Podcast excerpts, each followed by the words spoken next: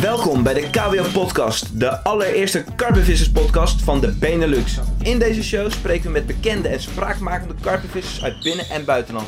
Vissers met bijzondere verhalen, vangsten en levens waar wij natuurlijk alles over willen weten. We gaan de diepte in, zetten de vissers voor het blok, stellen kritische vragen en we proberen zoveel mogelijk succesfactoren uit hun visserij te ontleden. Geniet, laat je inspireren en leer van deze gesprekken, waarin jullie tips, trucs en waardevolle informatie van de allerbeste karpenvissers krijgen. Waar je ook bent, schakel over op je relaxmodus, leun achterover op de bank of aan de waterkant, pak een bak koffie, hou je stuur goed vast en luister naar de KWO podcast. Let's go! Top, mooi. Yes, hallo, goedemorgen, middag, avond, nacht. KWO'ers, Jos Benders hier voor wederom nieuwe editie KWO podcast. Uh, ik neem deze intro op iets later dan dat ik de podcast heb genomen. Ik doe dat vaak achteraf, zodat ik op dat moment nog misschien een actualiteitje mee kan nemen. We moeten natuurlijk uh, bij de tijd blijven. Het is inmiddels, als we dit inspreken, uh, begin november. En ik denk dat deze podcast met, nou ja, verraad ik de gast ook al, Giovanni van Horen. jullie wel bekend denk ik van Monkey Climber met name. Hij komt live eind november, gok ik zo, waarschijnlijk net voor Sinterklaas. Um, ja, editie hiervoor René Treffers, daarvoor Joop Butselaar, Dennis de Wilde. Uh, ook wel leuk, vanmiddag uh, ga ik naar de persdag van Karp Zwolle. Dat is altijd evenementje voor uh, de standhouders. Nou, de meeste luisteraars zullen daar misschien iets veel bij hebben, maar standhouders komen dan, de pers kan wat foto's maken. De organisatie van Karp Zwolle vertelt alle nieuwtjes. Dus daar vanmiddag en daarna wel strak ga ik door naar de Koperen Plas. Want daar heb ik een nieuwe podcast gepland staan met Roelof Schut. Dat zou waarschijnlijk de eerstvolgende worden. Nou, verder aantal gasten op mijn lijstje staan. Uh, waarmee ik ook steeds concreter word qua afspraken. Het is natuurlijk wel even organiseren. wat Belgische boys. Thomas van Gestel. ja, een shortlist met een aantal coole gasten waar ik komende maanden podcasts mee wil gaan maken. Wat ook wel strak is, is dat ik wil gaan proberen om weer iets vaker te droppen. Uh, bind me er niet op vast, want ja, het is natuurlijk wel even een ding. We hebben inmiddels Robin Bulters bij ons in dienst genomen. En die kan natuurlijk snel die podcasts editen. Dus we gaan proberen om daar uh, echt een stap in te maken. Maar goed, voor nu. Uh, Giovanni van Horen, ja, eigenlijk al bekende van ons uh, sinds dat we denk ik met KWO begonnen zijn. Misschien zelfs wel al daarvoor. En ja, gewoon een coole gozer, relaxed, zit midden in de scene, heeft zijn eigen filosofie, zijn eigen visie op zijn visserij, draagt dat uit met Monkey Climber. En ja, ik heb hem simpelweg gevraagd naar alles wat met Monkey Climber te maken heeft, zijn eigen visserij. Ja, we spreken over zijn studententijd, we spreken over een water dat hij gepacht heeft, we spreken over zijn family life, waarbij eigenlijk die hele family ook wel uh, Monkey Climber actief is. Dus ja, ik denk dat het een, een leuk gesprek is. Uh, hij heeft natuurlijk een klein beetje Belgisch accentje, maar ik denk dat het prima voor jullie te volgen is. En ik zou zeggen, ja, geniet van deze podcast. Laat het ons weten als jullie vragen hebben. Gio is ook uiteraard bereikbaar voor vraagjes. Ik ben bereikbaar voor tips, vragen. Ik ben ook nog altijd bezig om geluid te tunen. Met Robin Bulters hebben we echt weer stappen gemaakt. Dus we hopen de komende edities weer nog een betere sound te krijgen. Het probleem is dat wij altijd naar gasten toe gaan. Dus dat het moeilijk is om daar dan een mobiele studio op te bouwen. Je weet nooit op wat voor locatie je uh, komt. Hè? En, en nou, in de toekomst misschien ook wel bij ons op kantoor. Maar goed, voor nu genoeg geluld. Te lange intro al. Ga luisteren naar mijn podcast met Giovanni van Horen. En uh, ja, ik ben zo snel mogelijk weer terug met jullie. Volgende editie zal waarschijnlijk Roelof Schut zijn. Ben je nog geen community member? Check ook onze community. We hebben veel meer van dit soort uh, interviews, ook op video daar staan. Dat denk ik heel strak is voor jullie. We zijn volle bak bezig met nieuwe content. Alle jongens zitten volgens mij op dit moment in het buitenland. Ook de komende winter wordt er gewoon volle bak doorgevist. Dus ja, genoeg straks te zien. Nieuwe functionaliteiten komen eraan. Check dus die community. Ben je community member. Thanks voor je support. Waarderen we super. En uh, ja, we zijn volle bak bezig met nieuwe content. Nu gaan we echt afsluiten. Nu gaan we ervoor. Giovanni van Horen. Thanks. Alright boys, we zitten dus hier in het prachtige Capelle. We hebben Michiel zijn uh, crib uh, gerate om deze podcast te doen met Gio van Horen. Rechtstreeks vanuit België gekomen. Het is nog rustig op de weg, want we zitten nog in de vakantieperiode. Gio, welkom.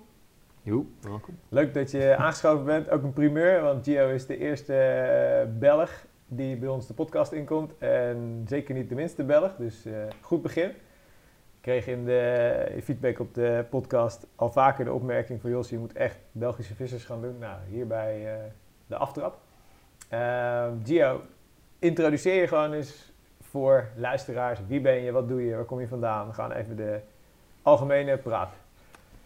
Zullen de luisteraars mij begrijpen in het Nederlands? Ja, we Belgisch? verstaan je goed. Nee, nee, we verstaan je goed. Zeker weten. Ik doe mijn best. Eh, ja, ik ben dus Gio van Horen. Ik kom uit België, van de Belgische kust, Oostende. Ehm, we zitten hier in Capelle in Nederland. We, we zouden ergens halverwege afspreken vandaag. Ja. Omdat jullie nog in geel moeten zijn in België, maar in feite is dat even ver voor mij. Oké, kijk. Dan eh, topografisch niet helemaal... Maar eh, wel lekker om, eh, om een stukje Zeeland te zien. Ja. Ehm, wat ik doe in het dagelijks leven is een Monkey magazine. Ehm, drukke familie, gezinsleven, eh, alles vrij druk. Ja. Ehm, ja. Tof. Je, wo- je woont in Oostende zelf? Ah, nee, tegenwoordig woon ik eh, langs het kanaal in Oldenburg, waar Ja. ik vroeger eh, opgegroeid ben op 100 meter van mijn ouders nu. Hebben tien jaar in Oostende gewoond, maar Oostende is eigenlijk vlakbij. Wij wonen aan de Ja. rand, van, de rand van Oostende, dus vroeger Ja. woonden we op 150 meter van de, van de zee, Ja. van de Noordzee. En eh, ja, nu op 5 kilometer of zo. Heb je ook op zee gevist vroeger? Ik ben zo gestart eigenlijk, eh, onbewust als ik een jaar of 5, 6 was. Mijn pa was zeevisser. Ja. Eh, vanaf de hoofdbrekers en ook in, in Noord-Frankrijk had je zo van die dingen, ehm, Fort Mardic, eh, zo voorbij Duinkerke. Ja. Eh, daar ging hij veel naartoe en ben ik als 5, 6-jarige heel veel mee geweest. Maar dat vond ik niet zo heel spectaculair. Misschien op die leeftijd Ja. ook. eh, ook omdat je die, die vissen altijd moet doden en zo, dat, dat vond ik niet zo plezant. Want hij viste wel vanaf de kust, niet met een boot. Eh, die, m- mijn onkel die had een boot, een klein bootje. Ja. Ik denk dat mijn Zodiac tegenwoordig groter is dan, ja. dan de zijne. Ja. En die gingen vaak op zee en in de branding zo wat vissen. En mijn pa denk ik ook een paar, een paar keer met maten op, op wrakken. Ehm, maar die, is dat, goh, die heeft dat fanatiek gedaan, altijd. Ehm, zover ik me toen kon herinneren. En ik denk dat ik nog geen tien jaar was dat die plotseling alles gestopt is. Ehm. Die kon het niet meer opbrengen om, om, om zelf al die vissen dood te doen. Waarom weet ik niet. Dat, Ja. plots klik, klik in zijn hoofd en eh, het is volledig gestopt met alles met vissen. Want eh, in de laatste jaren heeft hij nog een paar keer gevraagd van eh, gaan we skarperen of krijg ik eens wat karpermateriaal Ja. dan zet ik een set bij hem. Maar die vist tegen het nooit meer. De bedoeling is om, om dat nu deze maand nog eens te, te proberen. Dat hij nog een keer meegaat. Ja. Maar het, het, het, het visvirus, de, de start heb je wel van hem. Ja, en Was dan, en dan het feit dat we aan het kanaal woonden, was, was eigenlijk... Ja, dat zeevissen interesseerde me niet echt. Ja. En ik denk op zes of zevenjarige leeftijd kreeg ik twee vaste stokken eh, van mijn vader. En zo is Ja. dat begonnen. eh, eerst op paling en, en peuren. eh, ik weet niet of je dat kent. Peur, nee, pa paling tuurlijk. Ja, maar- paling wel. en, Ja? en peuren, dat is een manier van, van paling vissen met, met een net en eh, een klos wormen zonder, eh, zonder haak. Ja, En eh, dat deden we massas veel. bij ons achter de deur kon er 20 op een avond vangen Ja? toen. Ja. is dat nog steeds zo nu? Nee, ehm peuren is zo, zo folklore, folklorisch oude mensen die het doen. Ja, En ehm, je ziet er niet zoveel meer. En die mensen die het wel nog doen, soms praat ik er eens mee. ja. En die vangen nog één of twee op een avond. Ja. Als alles weggevreten is, ja dan... ja, dat is moeilijk. Hè? Ja, en is Ah, dan, is dan jouw... eh, is, is dat ook de start geweest naar het karpervissen toe? Of, of heb je echt nog jarenlang andere... Ik heb andere dingen veel gedaan. eh, dus het is eigenlijk eh, ja, niet, niet een ingewikkeld verhaal, maar het is wel, wel een leuke ding. bij ons had je dan een, fab- een fabrieksputje in de buurt, dan gingen we daar vissen. ehm, eerst wat braas, een vaste stok en zo, de typische dingen die we allemaal deden. Dat heb ik ook allemaal achter mijn deur gedaan. Ehm, ben ik zelfs beginnen zo rond 12, 13 jaar binnen wedstrijdvissen. Ehm, dat was op een andere put bij ons in de buurt, stationsput. Eh, allemaal vaste stok dit, hè? een vaste stok en toen begon ik ook al te feederen. Ehm, en ik weet nog goed, in, in dat wedstrijdvissen ehm, had ik een, eh, een wedstrijd, we hadden, had twee categorieën vissers. Een A-reeks met, met de beste en een B-reeks waar ik bij mocht aansluiten als ja, 12, 13-jarige. Ja. En dat was een voorjaarswedstrijd en ik, eh, ik won die B-reeks. Maar ik had ook meer gewicht dan die A-reeks en dat was een man of 70 zeker. ehm, eh, werd je door een oude voorzitter naar voren geroepen. eh, ah, kijk, dit is de winnaar. En begonnen een heel, heel deel eh, van die oude mannen, ja, dat kan niet, eh jeugdige lid, eh, die mag die beker niet, die mag die prijs niet. Dat, dat, dat stelde niks voor, gewoon, Ja. gewoon in mijn hoofd was dat wel iets. eh. en eh dan wouden ze dat op de jeugd afschuiven, maar ja, er, er waren twee jeugdige deelnemers, dus dat, dat stelde niks voor. Ehm, ja, kreeg ik dan uiteindelijk wel na veel zever die, die, die beker mee. Ja. En ehm, ja, ik had zoiets. eh, fuck it, al- als dit het is, uh, dan wedstrijdvissen kost veel, kostte veel geld. Ja. Ehm, ja, ben ik daar meteen mee gekapt ook weer. En het was ook dezelfde periode, denk ik, ongeveer, dat ik... eh, ik heb ja, een jaar of vijf gevoetbald als keeper. Ja. En dan was ik er ook mee gestopt en toen eh, wilde ik beginnen met, met karpervissen eigenlijk. Maar was dat dan dat je ermee startte omdat je dat in je buurt zag? Of omdat was er iets Ehm, wat je aanstak? Ah, ik woonde aan het kanaal en Ja. in, die, in die periode eh, had hij nog niet zo heel veel karpervissen. We spreken ja, midden jaren 90. 90, hè? Ja. Ja, of Ja. misschien zelfs ja, 4,95. En ehm, ik had het, het kanaal waar wij langs wonen is, is 25 kilometer lang, zonder sluizen. Ja. En mijn tante die woont aan de, aan de andere kant. Dus wij wonen aan de ene kant, zij wonen aan het andere uiteinde. En als we naar mijn tante toe gingen, zag je soms eens karpervissen zitten. En mijn vader, als we die passeerden, dat was altijd van, eh, ah, moet je die luiaard zien op hun, Ja. op hun stretchers en zo. eh, eh, ik hoop dat je nooit zo'n karpervisser wordt. dat zat ook zo'n beetje in mijn hoofd. Ja, ja. Ehm, totdat we, dat we eens op een, een winter, ik denk dat in België heb je zo de traditie om te gaan nieuwjaren bij je familie, ik weet niet of jullie dat ook hebben. ook. en we gingen naar mijn tante gaan nieuwjaren en het was zo'n warme januaridag, heel veel wind, storm. Er zaten twee karpervissen die aan alle twee tegelijk beet. Ja. En eh, we stonden zo gewoon op de baan te kijken met onze wagen stil, vier pinkers aan. En die vingen ja, twee, twee spiegels van ja, misschien een kilo of tien. Ik zei, ja fuck, dat wil ik ook doen. En dan ben ik beginnen eh, eerst nog vaste stokvissen en feederen met, met twee karperhengels naast me. Ehm, eh, ik had geen tutors of niks, gewoon monkey climbers die dan tegen mijn, mijn blank gooiden knallen. Ja. En zo is dat gestart en al, al, al vrij snel, ik denk, ja, vanaf mijn 14 dat ik niet meer met een vaste stok gevist heb of met de, met de feeder. Ja, en Ja, dat ook al direct nachtjes vissen. Vanaf mijn 15 heb ik beginnen nachtvissen al. Ja, dus je al. dat- dat- ja, dat moet heel snel gebeurd zijn allemaal. En waren die vissers die je toen tegenkwam aan het kanaal, zijn dat nog jongens met, met wie je contact hebt? Of weet je wie ik, dat heb- zijn ik geweest? nee, Of- ik weet, ik weet dat totaal geen niet. Dus eh, mocht dat via die, eh, Ja. die podcast komen, dan weet ik niet, maar met hem spreken van ja, een goede 20, 25 jaar geleden. Ja, dat je die mannen zag zitten en... eh wauw, Mm. gaaf. Hey, en en ja, eh, je bent niet getrouwd volgens mij? Nee, wettelijk samenwonend. Wettelijk samenwoond, kijk. Ehm, eh, wel al lange tijd volgens mij, toch? Dus, eh, We zeggen al drie jaar dat we tien jaar samen zijn, maar ik denk dat we vandaag, uitgerekend vandaag, tien jaar samen zijn. kijk, gefeliciteerd. Vanavond uit eten. Applaus van Pilar, Pilar op de achtergrond. Leuk. En, en jullie hebben eh één kindje, hè? Eén kindje. Zo- zoontje. Ja. Inmiddels, hoe oud is hij? Eh, twee jaar en acht maanden, die gaat volgende week naar school. Of Oké. ja, binnen tien dagen, ja. Nou, we hoorden net, jongens, voordat de recorder aanging, dat hij eh, gemiddeld 5, 6 uur per nacht slaapt. Omdat er s'nachts nogal wat activiteit is Mhm. van deze kleine man. Dus eh, er komt wat meer rust in jullie leven als hij naar school gaat waarschijnlijk. Ik hoop het, ik hoop dat hij eh, rotmoe is s'avonds. Ja, dat hij, dat hij le- lekker slaapt gewoon.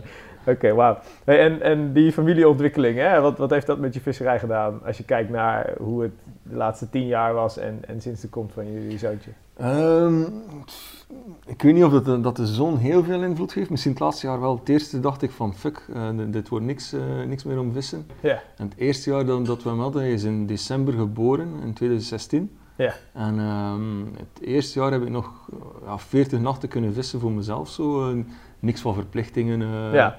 Gewoon mijn eigen visserij. En toen ving ik in België een tiental 40ers en een 50er. Ja. En dacht ik van, ja, fuck, dat is, eh, dat, dat is nog niet, ja, dat is nog niet zo slecht. Maar het jaar erop was het, eh, en dan, ja, dan hadden we al eh, een jaar dat hij, het eerste jaar, anderhalf jaar, sliep hij, ja, werd hij 15 keer op een nacht wakker. Ja. En eh, dat was het al veel minder, had ik misschien nog 20 nachtjes gewist vorig jaar. Eh, ja, dat, dat schilderpak heeft een serieuze invloed eh, Ja, op snap je ik. visserij. En Dat- ik werd zelf ook enkel maar, maar drukker met monkey climber in de laatste twee jaar, is echt eh, gek geworden. ja. Ehm, ja, Dus wat dat Ja. betreft is je visserij eh, Wel veranderd, Wel ja. veranderd, snap Mhm. ik. Hey, en, en als je kijkt naar jouw eigen achtergrond, hè, ehm, eh, heb je eh, na je middelbare school nog een bepaalde studieopleiding gevolgd? Hoe, hoe ben je begonnen als in, in het Mhm. werkleven? Wat is daar de... Ben je gewoon fulltime karpervisser? Nee, was dat maar zo. Of ja, Ja. misschien ook wel niet. Er is meer in het leven dan karpervissen natuurlijk. Ehm, ik heb, eh, ja, in middelbaar heb ik eerst wetenschappen gestudeerd, want als ik 15 jaar was, wou ik bierbrouwer worden. Ah, oké. Waarom weet ik niet, want Ja? ik, drink ondertussen al van mijn 16 jaar geen bier meer. Ja. Dus, ja. Maar bierbrouwer was... Eh, dat- oké. dat- was het toen. eh, ja? Ehm, heb ik dan de laatste twee jaar in mijn, in mijn middelbare school talen gestudeerd. Ja. Als ik 18 was, wist ik absoluut niet wat ik wou doen. Heb ik vertaler tolk gekozen, omdat ja, ik was vrij goed in talen. En, eh, ik had een paar vrienden die dat gingen studeren in Gent. Heb ik dat vijf jaar gedaan. Mijn eerste jaar ben ik blijven hangen. Is dat Eh, universitair geweest destijds? Ehm, of- in België had hij dat niet universitair, want eh, ja, dat is een, dat is een moeilijke uitleg, dat, dat heet licentiaat. Ja? En dat is hetzelfde niveau van diploma als uni, UNIF, Ah, maar het is, het is Ja. een hogeschool. Oké. Ja. Ja. En ja, nu heet dat master, ik denk dat dat Europees zo is nu, denk ik. Ja, eh. ja.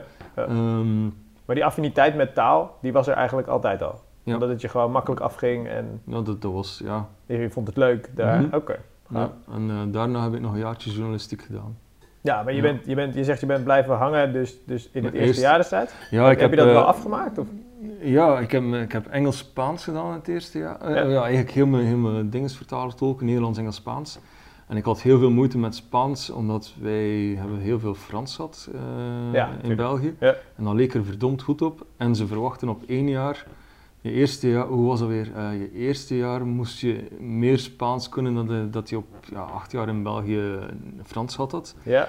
En ehm, de puntenscores voor al je talen lagen, eh, je kon een, als je de helft op je examen haalde, eh, ehm, had je een 0 op 20. En Oké. Vanaf, begonnen, vanaf Daarna dan begonnen ze je, pun- tellen, punten te tellen. Ehm, en dan moest je, een, om een 10 te halen, moest je eigenlijk, de helft dus, moest je al 75% van je examen Ja. eh, geslaagd zijn. Ja. Dus dat niveau lag dan super hoog. En voor mijn Spaans lukte dat absoluut niet. En toen nog was er een systeem in, in die opleiding. Vanaf dat je voor één vak niet geslaagd was, moest je alles opnieuw doen. Dus compleet... je kon, je kon eh, niks oh, overnemen. want, ja, eh, ja. ik had er van de week nog over met iemand, een viskweker die dezelfde eh, opleiding gevolgd heeft. Ehm, ik had in mijn eerste jaar bijvoorbeeld vakken als economie had ik 20 op 20. Ja. En die heb ik gek genoeg het jaar erop moeten opnieuw doen. Gewoon exact dezelfde stof. Exact dezelfde stof. Oh, ik denk zelfs exact hetzelfde Ja. examen. Ah, belachelijk eigenlijk. Ja. Maar ondertussen is al veranderd. Ja. En toen ben je vanuit daar ben je journalistiek nog een jaar gaan doen? Een jaar journalistiek gaan doen, ja. Maar dat was, als je vertaler ook gedaan had, vond ik dat niet zo'n ja, heel interessante opleiding Ja. voor- voor mezelf dan. Het enige was, we hebben daar drie, drie maanden stage gehad en dat was bij een eh, magazine die ehm, vooral over Noord- Noord-Zuid problematiek, over de, de derde wereld en zo ehm, Ja. eh, schreef. was wel interessant om eh, eens wel wat, wat die praktijk te hebben, maar heb niet de indruk dat ik qua taal of zo in die opleiding heel veel eh, gezien heb. Wel een beetje verschillende dingen zoals sportjournalistiek en zo. eh. Ja. Dus op vo- voetbalvelden en dat was wel cool, maar ja. ik zou niet willen een journalist zijn die dagelijks voor de krant schreef. Of zo. Nee, dat, was niet, dat trok je niet. En, en viste je in die periode dat je dus in Gent studeerde, viste je ook nog een volle bak? Was dat... Minder, ja. ehm, maar ik- ja, het zijn wel een paar grappige anekdotes. ehm. Ja. Dus voor ik naar Gent gegaan ben, eh, was, als ik 18 was, ben zo opgegroeid met die boeken van eh Alain. Ja, ja. eh, het VBK-magazine, waar veel geschreven werd toen over targetvissen. Je had ook veel minder grote vissen, dus ja, als het target was het 20 kilo, dat kon je Ja. makkelijk eh, doen. Of ja, makkelijk doen. Je kon je pijlen richten op één bepaalde vis. Eh, nu is dat moeilijker, want er zwemmen er meer. Ehm, en bij ons had je een reservaat in de buurt. Had, had ik met een maat of twee maten afgesproken van ja, kijk, nu is het laatste moment dat we nog tijd hebben die eh, dit jaar al zo 18 waren. Ja. En ehm, nu moeten we het gewoon doen als we hier nog eens eh, willen iets, iets scoren. Het was eh, een reservaat van 30 hectare waar je maar op 100 meter mag vissen. En we, we zijn beginnen voeren in februari, niet veel, maar om de twee dagen zo een half kilootje. Ehm, en dan vanaf april alle dagen. En we hebben er pas in eind juni op gevist. En de eerste die we vingen was meteen de topvis van dat Ja. water. Eh, ja, of echt een fantastische periode had toen. Ehm, dan ga je naar Gent en eh, ja, dan ga je ook. Eh, ja. Want ook ging je daar op kamers? Of, of ja, op kamers. Ja, ja. En ehm, ja, op kamers hebben we wel nog grappige dingen gehad, want in Gent heb- je water de Blaarmeers, wat dit jaar een zwaar, een zwaar sterfte geweest is. Hebben we vrij snel beginnen vissen, zo, ah, f- een, een oud Belgisch circuit, circuitwater. Ehm, en ik weet nog, mijn ex-vriendin dan, die had ook een kamer. En die was dus eh, een jaar of zes maanden naar eh, Vietnam op stage. En eh, ja, dan droegen we gewoon de boelies eh, in die kamer. Heel, Ja, ja. heel dat kot stonk naar Monster Crab. Of soms, soms als je geluk had, is naar Mulberry of zoiets. ja, eh. nog een beetje en die, en die was, mensen wisten niet waarom, wat, wat daar gebeurde. Maar jullie visten dus in die periode ook gewoon door? Ja, maar minder. Vooral in het begin van het academiejaar. En dan ja, dat we te haaien uit of Ja. En dan was het weer na de examens, de zomers vissen. De zomers werkte ook wel wat om centen te verdienen. Ehm, maar ik heb ook eens gehad, ik denk mijn derde of vierde jaar in Gent. Ehm, ik was ook al aan het voeren met een maat vanaf april. En op het reservaat ehm, kwam er iemand gewoon op ons, die, die bewust op die voerstek vissen. Ja, Omdat hij dat wist ja, ja. van die, die mannen zitten toch te studeren. Ja.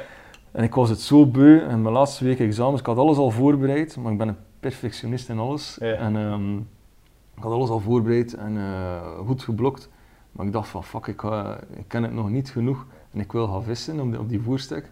En ik mijn laatste drie examens niet gedaan Om te kunnen Eh, vissen. om te kunnen vissen. En je wist dat je toen weer het hele jaar opnieuw moest doen. Nee, eh dan had ik nog herkansing in de zomer. Ah, maar het gekke, was, Ja. het gekke was, omdat dat, dat je wist dat je moest voor die drie eh, vakken slagen, heb ik daar zeker in, in de zomer een maand aan verloren. ja, en Aan tijd om die sessie te om- kunnen maken. Ja, om, die, om, om gewoon te kunnen, ja, die, die, die vakken perfect te kunnen en zorgen dat je erdoor bent en je jaar niet moet opnieuw doen. Ja. Achteraf gezien is dat stom. Eh, maar ik had toen wel ja, ook weer een van die toppers van dat water Ja. op die, voer, op die voerstek. Dat was wel weer cool aan de andere kant. ja, dat snap Ja.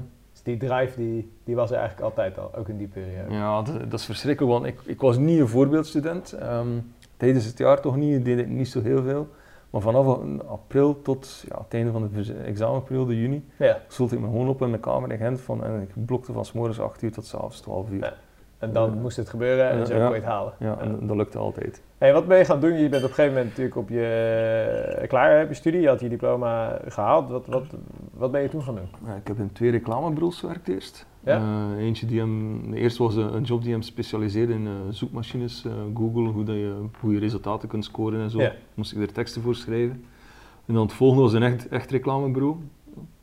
Eh, waar je van alles moest schrijven, eh, magazines, eh, ja, advertenties, eh, ja, korte kopij, lange kopij. Ja, Ook het visuele, dus ook het, het Nee, maar wel, wel heel nauwe samenwerking met, met de grafisch vormgevers.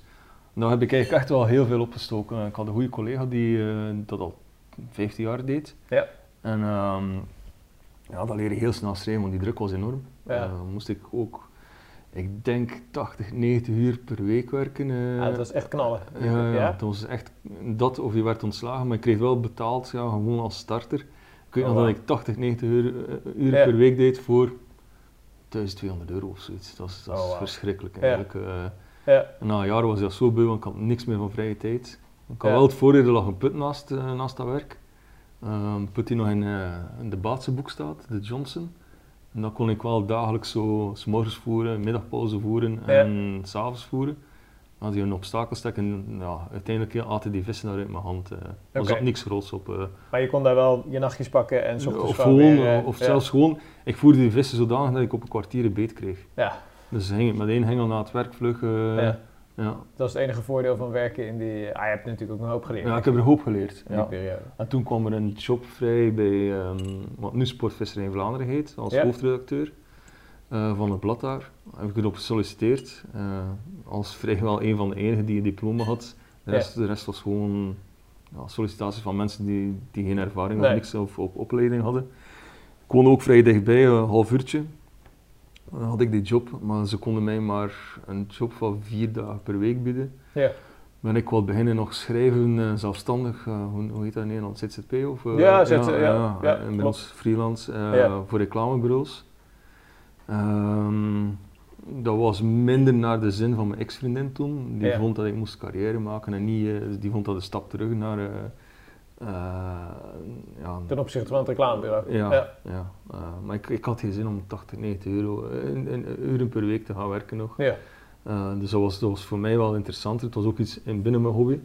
Eh, ik wist wel dat ik er niet veel kans had om, om verder te groeien, maar dat maakte me niet zoveel uit Ja. op dat moment. En toen was je een jaar of 4, 25? Dan moet ik al, wacht, hè, ik ben op, op mijn 25, 6, 27 moet dat Want geweest je bent nu even dat we... 38. 38, oké. Ja. Dus laten we zeggen een jaar of 13, eh, 12, 13 geleden. Ja. Dat je die stap hebt gemaakt. Mhm.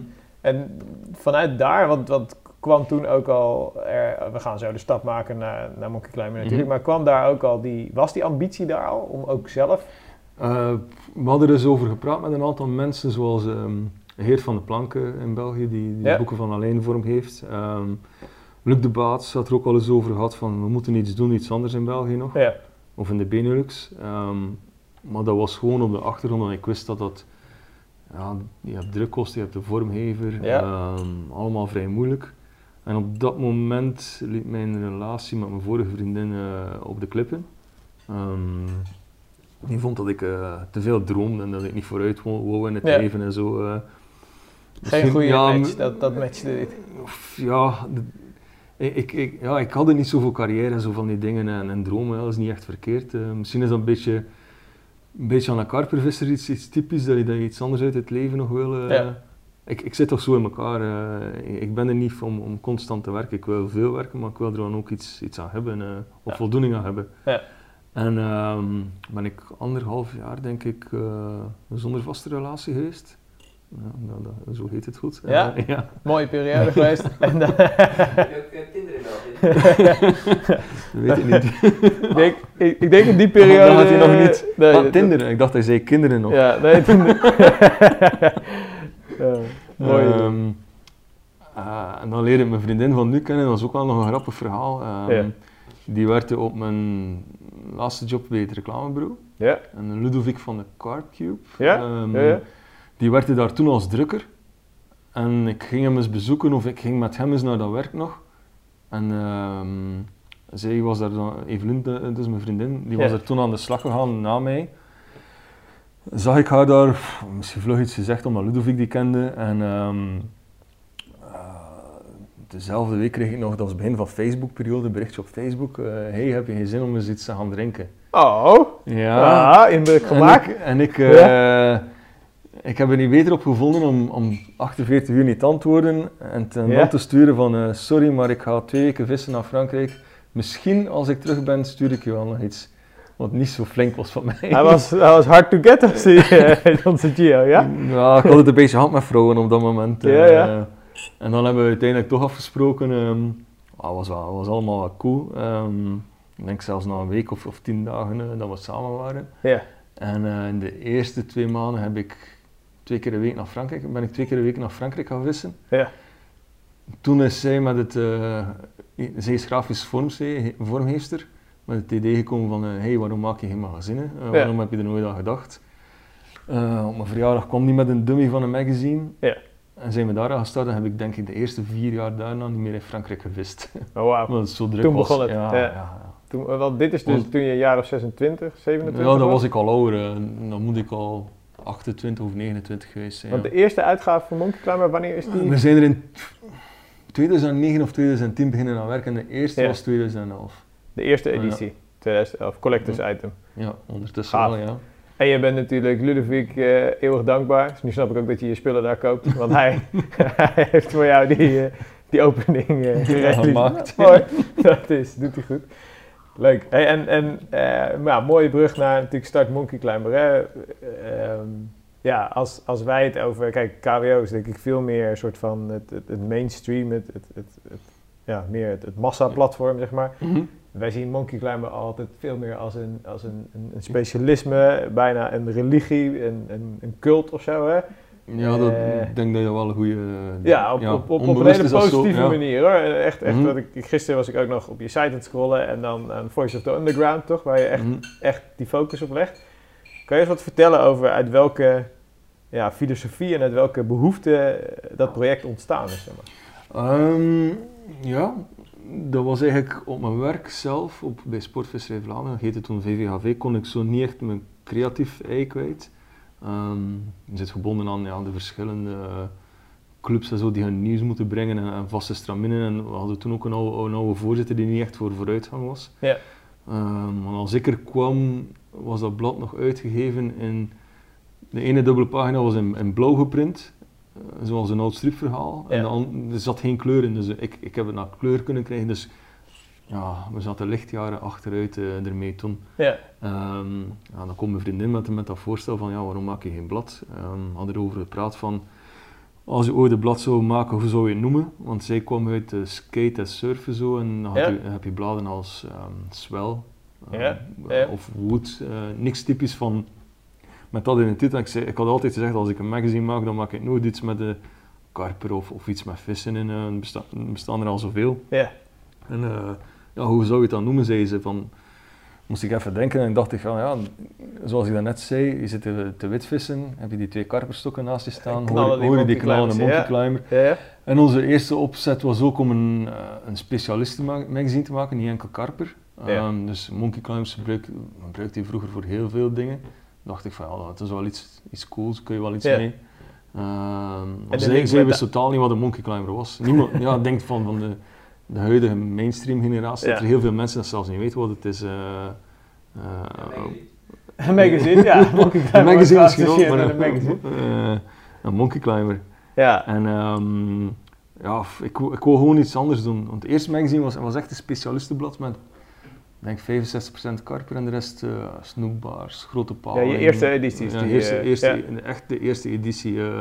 Snoekbaars, grote paling, wat zat er nog in? Denk Zeelt. En we hadden ook wel niet de minste namen. eh Cottonier kwam erin, Ja. eh, De Grote, De Baats, Martin Bowler. Ja. Eh, ja, was echt wel, wel bizar. En had je die Maar- mannen toen al vanuit je eigen netwerk? Of hoe, hoe werkte dat in die periode? Ja, ik kende er een aantal via. Ik heb, ik heb lang in, in het VBK-bestuur gezeten. Ja. Ehm, dus ja, we waren wel ergens. Bijvoorbeeld, een kottenier kende ik niet persoonlijk. Maar ik belde die op en ik zei van ja, kijk, dit wil ik gaan doen. Zie je dat zitten? Oh ja, cool. En, Ja. eh, Die gingen dat daar mee, Ja, die dat was, dat max. Ja, En het is dus eigenlijk gewoon een, een soort gezamenlijk project geweest van jou en je vriendin waar het geboren is, als het ware. Ja, we hebben nooit een plan gehad. We hebben, ja, dat, dat, dat is echt... Mijn vriendin werkte op dat moment, werkte ze wel of niet? Ik denk het... Of die ging net terug studeren. Ja. Ehm, en we hebben een jaar aan het eerste nummer gewerkt. Zonder eigenlijk na te denken van, kijk, als we een uitbrengen, moeten we wel zorgen dat het een half jaar Ja. later er opnieuw in staat. Ja. Dus zonder plan, zonder iets, gewoon een magazine uitgebracht. Eh was vrij moeilijk eh, om aan de, aan de man te brengen, want die zit al, zoals je zegt, met een specialistenblad. Eh, Ja. Ook onze vormgeving was eigenlijk een, een aanslag of een aanval op, op alles wat, wat je... Traditioneel, ja, wat je kent. Ja. Ehm, dus je zit een niche in een niche, dus het was echt moeilijk om die eerst aan, aan, de man te brengen. Eh, we hadden wel een aantal abonnees. Ik had al, in, in dat jaar die aanloop had ik veel ja, kleine open deurdagen en beurzen Ja. gedaan. En veel mensen die ik ken, die hadden gewoon een abonnementje gepakt. Ja. Eh, maar ja, ik weet nog, op, op Zwolle, toen we op Zwolle stonden, hadden we, we hadden niks anders dan we hadden een standje van 4 op 4. Ja. We hadden niets anders dan dat eerste blad, dus we hadden dat mooi gestapeld op eh, ehm, een soort, ja, uh, gedraaid die magazines, mooie, mooie toonbankje en zo, alles, alles wel wat aangekleed. Ik weet nog dat er, ja, Nederlanders zijn misschien soms iets, iets directer Ja. dan Belgen. Nee, ja, heel vaak En, denk ik. eh, Ja. Je probeert, ja, je probeert dat te verkopen. eh, Ja. of, of komen er gewoon ja, mensen voorbij, pakken een blad en zeggen van... eh, ah, ja, het is, het, is, het is met abonnement. Ah, nou, ah, het ziet er zo niet uit. Het ziet er, het ziet er gratis of goedkoop uit. zo- Zo'n directe, eh, directe Ja, ja. reacties kreeg je dan. En eh, als je nu denkt, die eerste, ja, die verkopen ze op tweedehands sites makkelijk Ja. voor 100 of, of, of meer Ja, euro. ja, ja. Eh, en, en toen kregen ze moeilijk, ja, vrij moeilijk van de, van de hand. eh. Ja. Dat is wel grappig. En toen, daarna hebben we ja, de keuze gemaakt om, om dat specialistenverhaal toch, ja, was dat bewuste keuze of onbewuste keuze, dat weet ik niet meer zo goed. Maar we hebben dat toch een beetje laten varen. Ik denk dat er in de nummers daarna misschien nog vier of vijf keer een artikel over iets anders gekomen is eh, dan En daarna heb je dat eigenlijk... eh, Eh, hebben we alleen dan ook op de cover geplaatst met die close-up. Dat was Ja. ook nog nooit gedaan, een, een zwart-wit close-up. ja. En die, dat nummer verkocht uit in drie weken. Ja, wauw. ja, dus Want wat, bij welk nummer zijn we inmiddels? nu zijn we op nummer 16. 16. Dus twee nummers per jaar. Ja. Ja, ja. Want dat is ook gewoon jouw max. Dat wil je, dat is de... ja ik, heb, ik heb een paar keer gedacht aan vier nummers per jaar. Ja. Het is, het is een hele opgave, want ik heb tot vorig jaar werkte ik er nog drie dagen per week naast. Ja. En eh, ja, een goed interview. Moet je, moet je voor bijvoorbeeld een goed interview, ik, ik doe graag interviews. En dus Ja. er zit altijd een goed interview of een groot interview in het magazine. En eh dat ben je wel ja, ergens op verplaatsing. Een Ja, dag, natuurlijk. Is eh, eh, voorbereiding, reistijd. Uitschrijven duurt Ja. makkelijk een week, denk ik. Ja. Zeker naast de gewone job. Of zelfs, zelfs nu, nu als ik geen job heb, of ik ben eigenlijk in een soort sabbattijd, Ja. ehm, dan nog kan ik niet een interview van ja, op 1, 2, 3 op een dag uitschrijven. Ik, ik moet dat zo wel laten rusten, een deeltje doen. Dan nog deel. En uiteindelijk ben je daar twee weken mee bezig. Moet je oude foto's scannen als het om een oude kerel gaat of zo. Moet je dat vormgeven. Dus Ik denk dat veel mensen geen idee hebben hoeveel werk daarachter zit. Hè? nee, Dat- ik vind, dat, ik vind, ik vind dat gek. dat is Ehm, gigantisch. Is Dat is, dat is gigantisch. Ja. En als ik dan, als we telkens een nummer af hebben, moet ik nog alles eens één of twee keer nog eens proeflezen op, op het Ja. laatste. En soms vlieg ik daar in, in een uur door dat je zegt van, nou, er zitten hier honderden uren in. Ja. In feite dus een snelle lezer, die kan het ook in, in een één of twee uur af hebben. Dus dat is wel ja, een beetje... maar ik, ik snap je. Er zit Ja. heel veel tijd, energie en, en liefde natuurlijk in zo'n project. En de vormgeving is natuurlijk ook... Ja, het, is, Ja. het is altijd anders. Of toch, ja. Nou ja, dat denk ik wel. ja.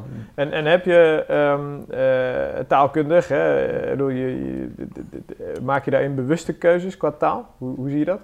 Qua taal... ehm, En qua eh, zitten, Nederlands, Engels? we zitten- ja, we zitten met het Benelux publiek, publiek Ja. sowieso, wat, wat moeilijker is, want wij als Belgen wij zijn altijd gewoon geweest, de, magazines die er bestaan in onze eh, taalgebied, die komen meestal, of, of eigenlijk altijd, behalve het VBK-blad dan, uit Nederland. Ja. Dus wij zijn gewoon van Nederlandse bladen te kopen. Ook als Belgen voor Nederlandse bladen schrijven, ik weet niet of het nu nog zo is, maar werd, werd alles echt vernederlandst. Ja. Ehm, bijvoorbeeld, eh, wij zeggen een kop koffie. Ja. Jullie zeggen een bakje of een bakje koffie. En ik probeer de twee te doen. Eh, In het blad probeer ik als iemand Vlaams of, of Nederlands... eh, Wil je Vlaam- dat ook laten zien? Laat ik dat Ja. in, in, in dat staan, maar als, als ik een Nederlander heb die schrijft voor ons, dan laat ik dat ook eh Ja. een bakje koffie staan. eh, ja. Ja. En, en, En, en, dat is zo'n beetje, ja... en waar is dan die link met die Engelse markt ontstaan? Want ik bedoel, inmiddels, Ja. misschien, misschien heb je wel meer... Ik, ik, ik heb, ja, ik, er zijn een, aantal verklaringen voor. Ehm, Maar ik ben zelf, hoe moet ik het zeggen, ik ben opgegroeid met de VBK-bladen eh, als ik 16, 17, 18 was Ja. al. En die hadden ook een sterke link met, met Terry Hearn, Dave Lane in Ja. die tijd. Ja. Dus ik ben ermee opgegroeid. Ik koopte automatisch ook die boeken in de tijd. eh, eh, In Pursuit of the Largest, Still Searching van Terry Ja. Hearn. En ja, je leert die dingen wel kennen. Je hebt er zo een soort van respect voor. We hebben ons eerste blad hebben wij vooral Nederlandstalige of, of mensen uit Benelux in ons blad gehad. Ja. Voor het tweede blad, heel toevallig, ehm, kwam Nick Hillier hier vissen. eh, of ja, ik, ik kwam in contact met Nick Hillier via, ik denk Geert Ooms. Een maat, eh, Nick Hillier is, eh, is al altijd een van de beste maten van Terry Hearn. Ja. Ehm, ja, en dat was een uitgelezen moment om er mee te gaan vissen, een interview te doen. Die kwam vissen bij ons op het, op het reservaat. Die ving eh, meteen een, een van de topvissen. Dat was een 24 kilo spiegel die ik nog had gehad. 12 jaar ervoor, denk ik, of zo, op, eh, op 18 kilo. Ehm, het was ook de tijd dat sociale media opkwam. Ja. Facebook waren we heel snel bij. Instagram waren we ook vrij snel bij. En wij hebben altijd de keuze gemaakt om alles in het Engels te doen erin. Ja. Dus op die manier hebben we, denk ik, vrij snel die, die Engelsen, die, die verstaan geen jota van ons blad, maar we verkopen wel nog redelijk wat bladen aan, Ja. aan collectors in Engeland. Ja. En eh, die waren zo meteen mee in dat verhaal van het is iets anders. eh, We vinden dit gaaf. Dit Ja. is iets. Want als je dan kijkt naar jouw eh, bereik met je, je, je, je merk, om het zo maar te zeggen, is het blad is met name Focus Benelux dan. ja, dat kun je niet en anders. wat ja. collectors in Europa Ja, waarschijnlijk. in Europa, ja. En de merchandise en de sociale media en de website Ja, is wereldwijd, ja. is wereldwijd. Oké. eh, we hebben al ja, merchandise in Amerika verkopen we toch wekelijks, denk ik. Ja, Eh, we hebben al Japan gehad, Australië. Dat Ja? is echt, van, ja, dat is echt, echt hek. super vet. Ja, En, en tegenwoordig denk ik dat van de online verkopen van onze merchandise 70% naar Engeland gaat. ja, Dus dat, dat vind ik echt gek. ja, Eh, echt groot. Dus je rijdt elke week een keer de, de tunnel door. eh, nee, ik, eh, ik, eh, ik heb een slechte relatie in België met, met, met de Belgische post, omdat ik Ja. kom nooit aan of er is altijd iets mis mee. oh, En wat ik doe is wel wekelijks twee keertjes de, de grens oversteken met Nederland. ah, en dan... Dan ga ik in Sluis en ja. Veel goedkoper en eh, altijd, Betrouwbaar, komt, altijd aan. Oké, Dus, nou, eh, eh, credits naar PostNL. ja. hey, en, en als je kijkt naar je ambities met Monkey Climber, eh, heb je daar, ben je nog met nieuwe projecten bezig? Of, of hoe, zie Ja, best wel. Ehm, ik denk dat wij ons, ja, we willen ons blijven onderscheiden met al, in print. En- Ja. En die, die combinatie maken we wel met sociale media, want je kunt niet zonder tegenwoordig. Ja. Maar qua, ja, ik spreek al jaren van een, eh, een Engelse uitgave. Oké. Eh, omdat ik vertaler ook ben, Ja. kan je dat perfect doen. En we hebben al redelijk wat liggen. Maar ik vrees enkel ook weer qua tijd, als het, ehm, effectief uitbrengen. Alle, ja, nu, nu met het magazine in, in de Benelux, je hebt je Ja. abonnementen. Alles gaat via een abonnementservice. Maar als we dat uitbrengen, denk ik dat we... En je moet alles los versturen, want het zal Ja. een eenmalig nummer zijn en misschien dan jaren erop nog eens een nummer. Ja. Eh, moet je alles los versturen en denk ik dat, het- dat het ontploft qua tijd voor mezelf. Ja. Maar dat is wel een ambitie om sowieso een Engelse uit te geven in, in die sabbattijd dat ik thuis ben van mijn vastwerk. Ja, Ehm, Ja. En... eh salut Michiel. en ehm, op video willen we ook wel nog het een en het ander gaan doen. oké, Ja. cool. Maar ja, wel, wel iets anders, zo meer ja, aanvulling op magazine of een soort Ja, documentaire, Diepte, documentaire stijl. Ja, omdat ehm, ik denk ook niet dat we met, met gewone, ja, als ik zelf zou beginnen filmen, ik, ik ken er een beetje van, maar, maar veel te weinig om dat deftig te doen. De mensen zijn hoge kwaliteit gewend van het magazine. Ik denk dat we dat ook iets moeten nastreven, misschien een filmproject per jaar of zoiets. eh, Dat dat misschien eraan ja, als aanvulling op het, op het magazine. Ja. Gewoon. Ja. Gaaf. Hey, en hoe is jouw, eh, jouw visserij nadat je als frontman wordt gezien natuurlijk, ben je ook van Monkey Climber, is die veranderd? Bedoel, Is, is, het, is het lastiger voor jou om je eigen visserij te hebben? Eh, hoe speelt zich dat af? Hangt ervan af. Eh, ik heb veel leuke mensen leren kennen via het blad. Ja.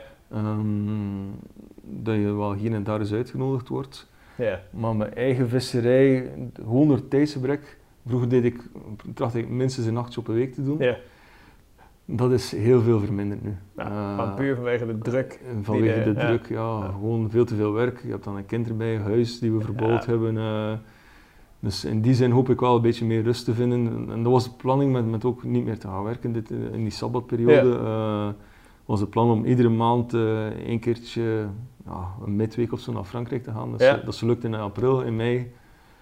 En dan weer daarna- niet meer, eh, weer veel te druk. eh, Ja. Want hoe, hoe lang heb je nu dan een, een, eh, met de Sabbat, denk ik, bedoel je een soort sabbatical periode toch? Mhm. Eh, hoe, lang heb je voor jezelf is twee jaar. Twee jaar? Ja. Oké. Maar een, een, dat, dat is mogelijk in België. Dat kan je met een Dat is werkgever mogelijk als je, als je werkgever daar, daar akkoord voor is. En, Oké. ehm, ja, we, hebben, we hebben een paar bestuurswissels gehad op, eh, bij, bij Sportvisserij Vlaanderen. Ja, En ehm, een beetje, ja, eh, eh, ook, ook ja, qua, qua financieel, dat, Ja. ja. ik weet niet in, in hoeverre ik er kan over uitweiden, maar het kwam voor beide partijen goed uit dat ik, eh, ik heb zelf voorgesteld van binnen twee jaar gaat er iemand op, op, Ja. op pensioen.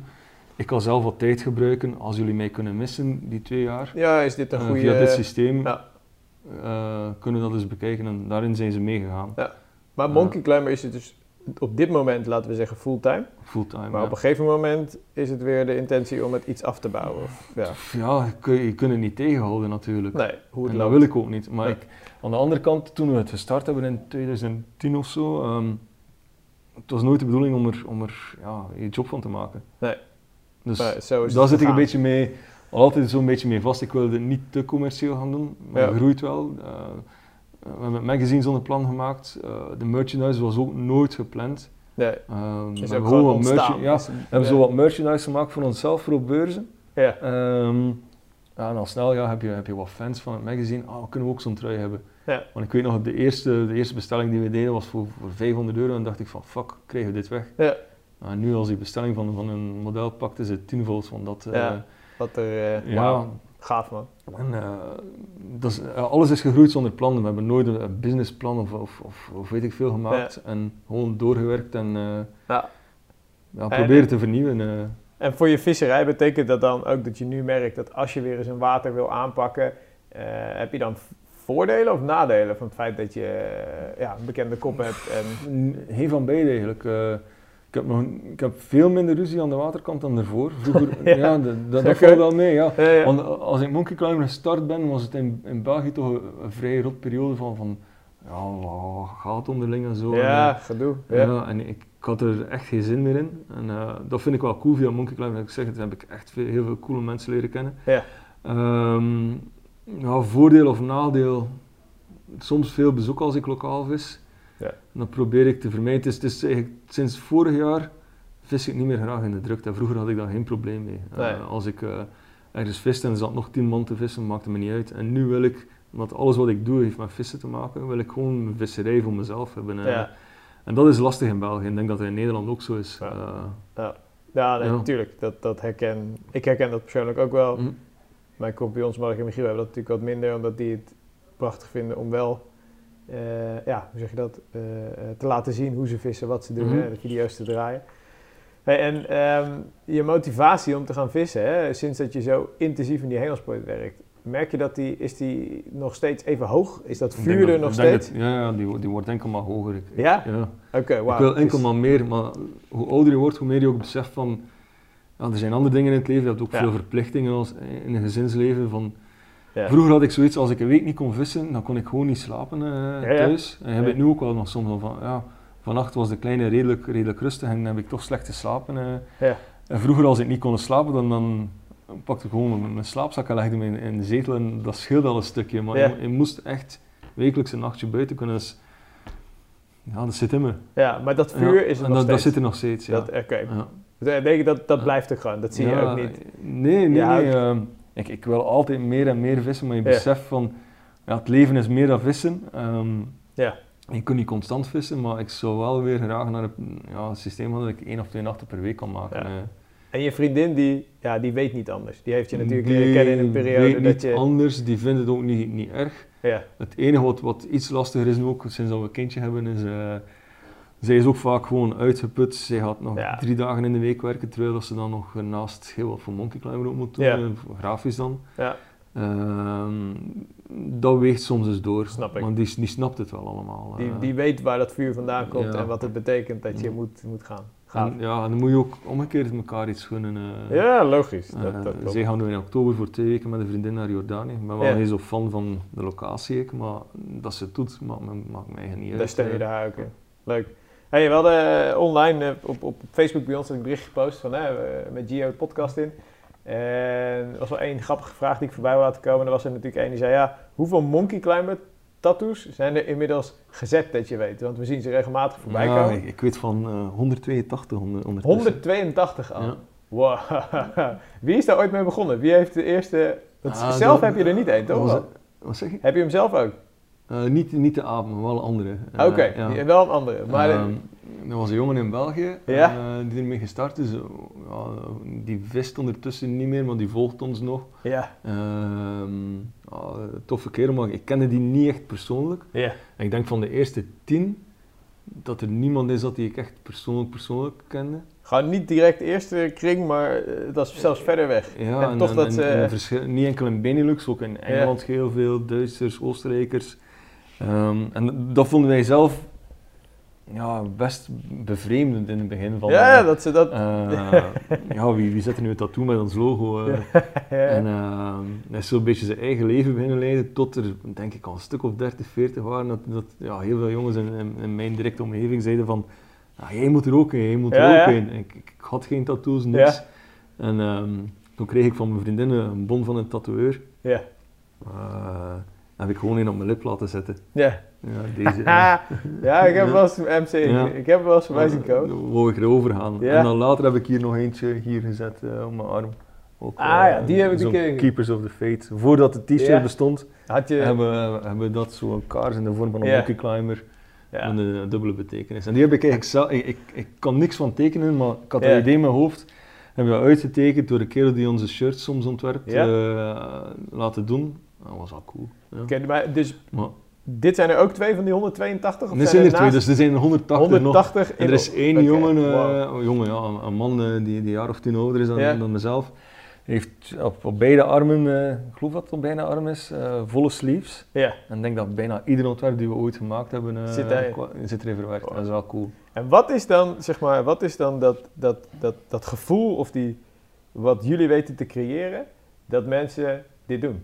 Of zo? Dat weet ik absoluut niet. Dus als er iemand Ja. is... eh, het, is, Ja. het is gewoon de, de, ja, de, de, de ja, net is- zoals mijn community, jij hebt ook een community of zo. Ja, hebt ja, ja, jullie hebben er een en Ja. wij- ja. Dat is het echte. En hoe, hoe creëer je dat? Ja, het is een gevoel, het is een uitstraling, denk ik. ja, je ja, ja. Ehm, ja, het blad is, is ook van in het begin zo... we proberen de openbare water wat meer te ondersteunen, omdat de, de andere bladen dat niet zo deden in die tijd. Of ja, misschien een karperwereld wel ook, eh, het blad dan. Ja, Eh, ja, ja. En ja, dat was geen aanval op andere wateren, want ja, Ja. we zijn in België groot geworden met syndicaatwater, wat je dan in Nederland niet kent. eh, Ja.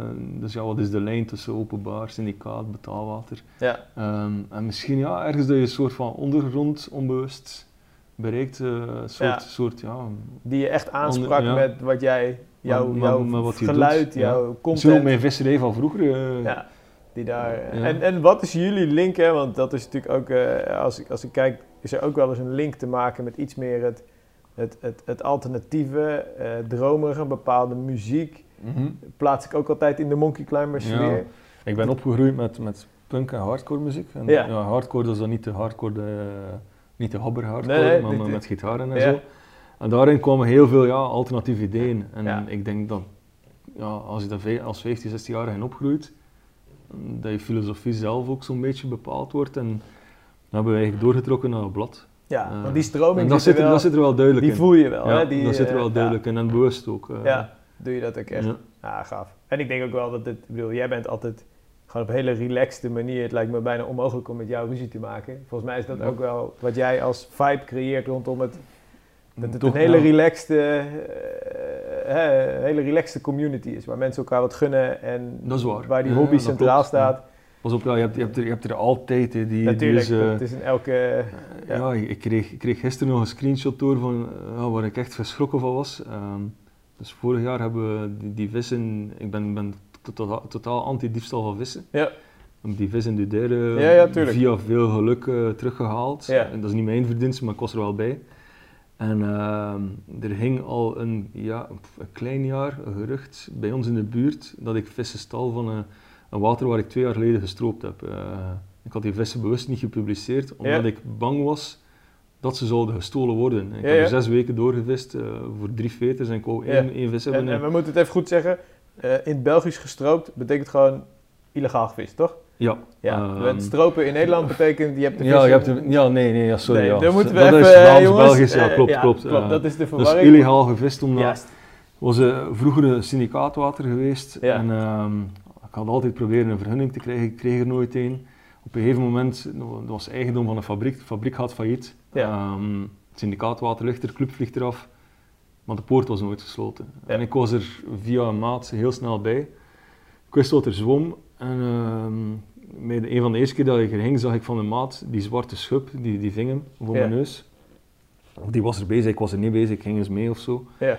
Ik zei, die vis wil ik. Zes weken voor gevist. Ving ik ook de twee andere forties die er toen zaten. En uh, niks te publiceren. Ik zeg, uh, ja, als er meer mensen dat te weten komen dat het hier gewoon open is, dan verdwijnen die Ja, vissen ja. gewoon. En uh, dan hoorde ik, ja, een paar maanden terug stuurde een kerel een screenshot naar mij van, ja, kijk, die zijn hier aan het verspreiden, dat je daar vissen steelt voor je eigen water. Ehm daar heb ik niks mee gedaan, ik heb het gewoon laten passeren. Ja. Gisteren kreeg ik eindelijk door van, eh, van wie dat afkomstig was, eh Ja. het oorspronkelijke bericht.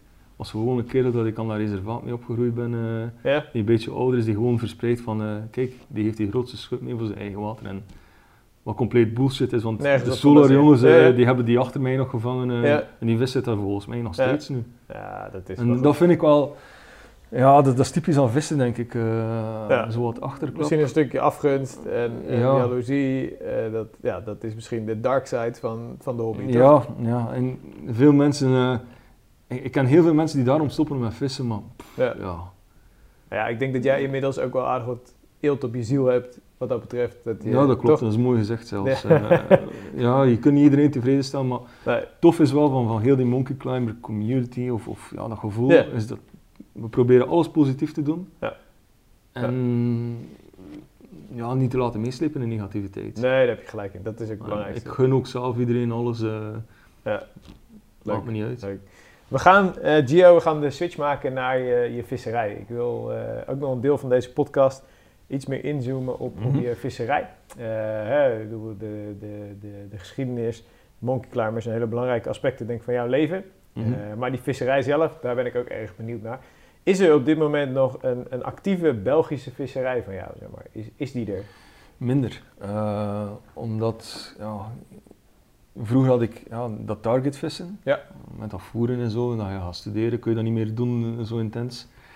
Ehm, en tegenwoordig door de drukte ook niet dat water wat ik net, net zei, Ja. ehm, waar, ik, waar ik illegaal gevist heb. Toen Ja. heb ik nog eens zes weken eh, doorgevist. Dat was zonder file een dik uur van mij, van mij vandaan. En Ja. ging ik daar drie, vier keer op een week voeren. Probeerde ik twee nachten per week mee te vissen. eh. Omdat ik ook wist van, nu moet het gebeuren, want ja, het kan ieder moment voorbij zijn dat, dat die poort hier gesloten is, dat je er niet meer op kan. Eh, is het alles, alles gelukkig gelukt in zes weken. Eh, water heeft uiteindelijk twee jaar, eh, hebben die poorten op, op, Ja, ja. opengestaan. Nu is het onlangs verkocht, dan kan je er niet meer op.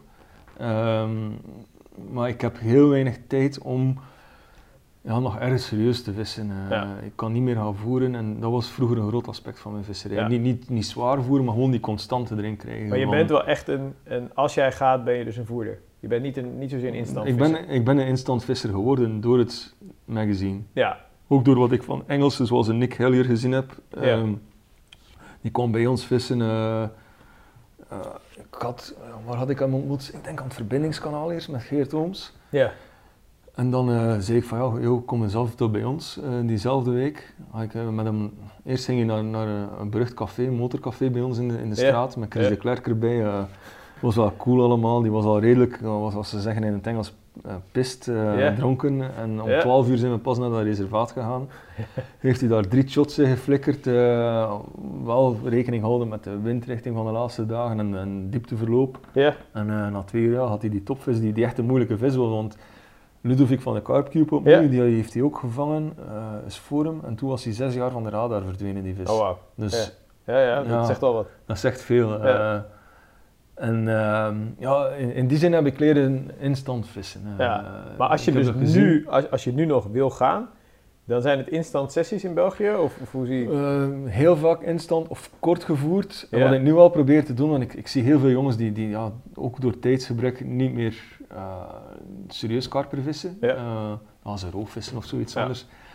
Dat trekt mij, de- zonder, zonder ja, onrespectvol Nee, te zijn, maar, maar dat trekt mij iets minder. Ik heb het al een paar keer gedaan. Ehm, wat ik heb met karpers is dat ze altijd verschillend zijn. Eh, Ja. Zoals mensen, eh, Ja, individuen. eh, dat vind ik leuk, want voor mij maakt het niet uit om de grootste of, of, of, of dit, dit of dat te vangen. Gewoon, ze moeten onge- ongeschonden zijn. Ja. Ik heb niet graag beschadigde vissen. En ze moeten karakter uitstralen. Dat vind ik, vind ik coolst. Of die groot of klein is, maakt me niet uit. En eh, wat ik doe nu, eh, ik heb dat kanaal Gent-Oostende vlak bij mijn deur liggen ook. Eh, na, na, achter mijn deur ligt uh, Nieuwpoort Plassenhalen, dat is verbonden met Gent-Oostende. ja, En die stekken die ja, de luisteraars misschien gezien hebben op Eurobanks. Ja. in, ja, de eerste Eurobanks met Nash, met Ellen Blair. ehm, die liggen op drie kilometer van mijn huis. Wat ik dan probeer te doen is die zodanig aan te voeren ehm, dagelijks of twee keer soms per dag. ja. Dat er ook binnen een, een uurtje vissen zeker een, een aanbeet kan krijgen. ja, dat is echt de Ja. snelle, je gaat voor de snelle Ja, aanbeet. want vorige week hebben we het echt bond gemaakt. Ehm, eh, ik heb er gefilmd met eh, Mark Pansar, die is bezig met Ja, ja. Een, trip door België van 10 provincies. Ja, En dat was de eerste, die, die twee stekken die daarin gekomen zijn, had ik eh, twee weken goed voorbe, voorbevoerd. ja, Ehm, en we er vist op de eerste kregen we elke beet in drie uur. En op de tweede kregen we zes beten in anderhalf uur. Ja, met, eh, elke hengeltje. Dus, eh, ja, ja. leuk. Gewoon echt actie. En dat- maar als je, als je nu gaat, je wil actie. Je, hebt, je wil nee, niet- nee, nee, maar, maar als ik heel weinig tijd heb, Ja. dat, is zo, en, en ik, dat is het enige wat ik nog kan bevoeren, omdat het zo dicht is. Ja, Eh, ik heb de tijd niet meer om, om ja, een half uur of een uur uur te rijden voor ja. te voeren. ja, Ehm, dan doe ik het zo. En anders heeft, is mijn visserij... ah, bijvoorbeeld, ik heb ergens een afspraak met iemand. Vorige week had ik eh, een interview in Engeland met Dave Levy. Ja. Eh, hier niet zo heel bekend, denk Nee, ik. van naam, Eh, want die heeft in, in Engeland ja, jarenlang targetvissen gedaan. eh, best wel, wel wat ja, zotte vissen gevangen. En die zei van, eh yo, kom je niet af naar Racebury? En dat is ook zo water dat je kent van in die eerste boeken van Mhm. Dave Lane, eh, artikels van, van ja, eh, je kunt, je kunt dat water wel niet meer vergelijken met toen, maar gewoon om er te zijn. En eh, ja, heb ik daar een nacht gevist toen, ja. wat ook eh, heel leuk was. Vissen ja dan vis je, maar dan vis je meer, Maar gewoon meer sociale eh, of vanuit het werk. Ja, vanuit het werk. Want Ja. Wat ik vroeger ook veel deed, eh, ik had bijvoorbeeld, ik heb eh, een jaar of drie terug Raf van Opstal geïnterviewd. Ja, En die woont eh, in de buurt van het Campies en al. Ja, dan ga je, hem- ga je hem bij hem thuis interviewen. Maar je bent in de buurt, doe je nog een nachtje daar. ja, soms dat soms dat goed uit, soms niet. Ja. Maar ik zie dat niet zozeer als serieus vissen. eh. ja. ja. Denk je dat er een periode komt Ik waarin die visserij wel weer op dat ik niveau komt? hoop dat, ja. Want Frankrijk heb je natuurlijk gezegd, april, mei lukt het je. Eh, Ja, en dan staat er alweer een trip op de planning? Of? Eh, enkele filmen eh, voor de volgende Eurobanks Ja. eh, ga ik nog eens mee. Ehm, hebben we normaal iets heel cools in Frankrijk kunnen regelen. Ja. Eh, waar je normaal niet kunt vissen. Ehm, en ik hoop, ja, mijn vriendin is twee weken weg in oktober. Ja. Ik heb een maat die heel veel in, in, in, in de buurt van Parijs vist. Ik denk ja, dat hij 14 sessies van vijf dagen op een jaar doet. Die chef-kok. ja, werkt heel hard en dan als hij kan. Gaat hij vissen. Ja, en Ja. dat was het plan om heel veel met hem mee te gaan. Ja. Eh, en ja, ik hoop wel nog dat het één of twee keertjes lukt nu in het najaar. Om die regio te Ja. bevissen. Gaaf. Vroeger viste ik ook heel veel, ja. Als, als KWO in, in de Alpen ging vissen, eh, Ja. zaten wij er ook net. Ja, tuurlijk. dat zijn Eh, dezelfde periodes, hè? Ik zal eventjes afzetten. Geen probleem. Ehm, zaten wij ook in, in die periode Ja. daarnet, dat was ook een heel coole, coole tijd. Maar fucking ver eigenlijk. Ja, dat, dat is niet zo heel ver, maar als je weinig tijd hebt. Nou ja, het is, is- een, is het een wel, dag heen en een wel, dag terug, ja, toch? dat is het, eh, ja. En ik, Ja. ik ben eh, heel slecht in s'nachts rijden, dus eh, Oké. ja. Ja, dat is goed als je dat voor jezelf weet. Maar duidelijk, goed, goed om zo'n beeld te hebben van hoe je visserij eruit ziet. Heb je al eens actief in Nederland gevist? Nee, ik heb nog maar één keertje met een, een, een soort van open deurdag of een nestdag of zo in Valkenswaard gevist op een put of drie. Ja. Wat wel cool was. Eh, was er ook iemand van jullie vrienden bij hem, eh, Brent of oh, Pilar, een vriend van Pilar. Ja, kan zijn. Ja, ja. eh, gekke kerel, was wel cool. Vingen we een paar vissen. ehm, en ik denk rond 2000, 2001, toen Piet Vogel heel veel schreef, zijn we eens voor twee of drie dagen op eh, met Gunther Poelmans. En nog een paar Belgische jongens beland op eh Sloterplas. Ah, in Amsterdam, ja? Ja. Oké, gaaf. Ja, we hebben niks gevangen toen. eh, Maar wel geweest. ja, wel geweest, ja. Hey, hey, Maar- wat, wat is, eh, als, als wij Nederlandse vissers vaak naar eh, Belgische wateren kijken, loop je natuurlijk al vaak tegen het stempel syndicaatwater aan. Hè? Mhm. Ehm, eh, kan je ons wat meer uitleggen waarom is die structuur zo? En eh, hoe, hoe kom je daartussen? Kan je daartussen komen als buitenstaander? Of, hoe is dat opgebouwd? Ehm, ik, ja, syndicaatwater, ja, die, dat die, die stempel is er wel voor België, maar ik weet eigenlijk niet of er zoveel van die syndicaatwateren zijn. Ja, Ehm, ik denk dat je die indruk krijgt omdat, hoeveel zal er zijn, een stuk of 15 bekende syndicaatwateren. En daarover wordt er natuurlijk heel veel meer gepubliceerd, omdat ja. dat hij er niet zo gemakkelijk tussen komt. en vaak Hebben de mensen zoiets vissers van, eh, vissen. De Ja. mensen zoiets van, ja, we kunnen erover publiceren, maar het maakt, maakt niet uit. Eh, en daarom denk ik dat je die indruk hebt van syndicaatwater. Want denk ik, in Nederland heb je heel veel verenigingwater. Ja. En dan hebben wij dan weer iets minder. Ik denk dat bij ons heel veel openbaar is. Ja. En de rest syndicaat. Want als je dus eh, de openbare wateren wil bevissen, is het één Belgische Eén Belgische Vergunning? vergunning. Eh, nee, één Vlaamse vergunning. En we hebben er ook eentje voor de, de Franstalige kant van voor België. Wallonië.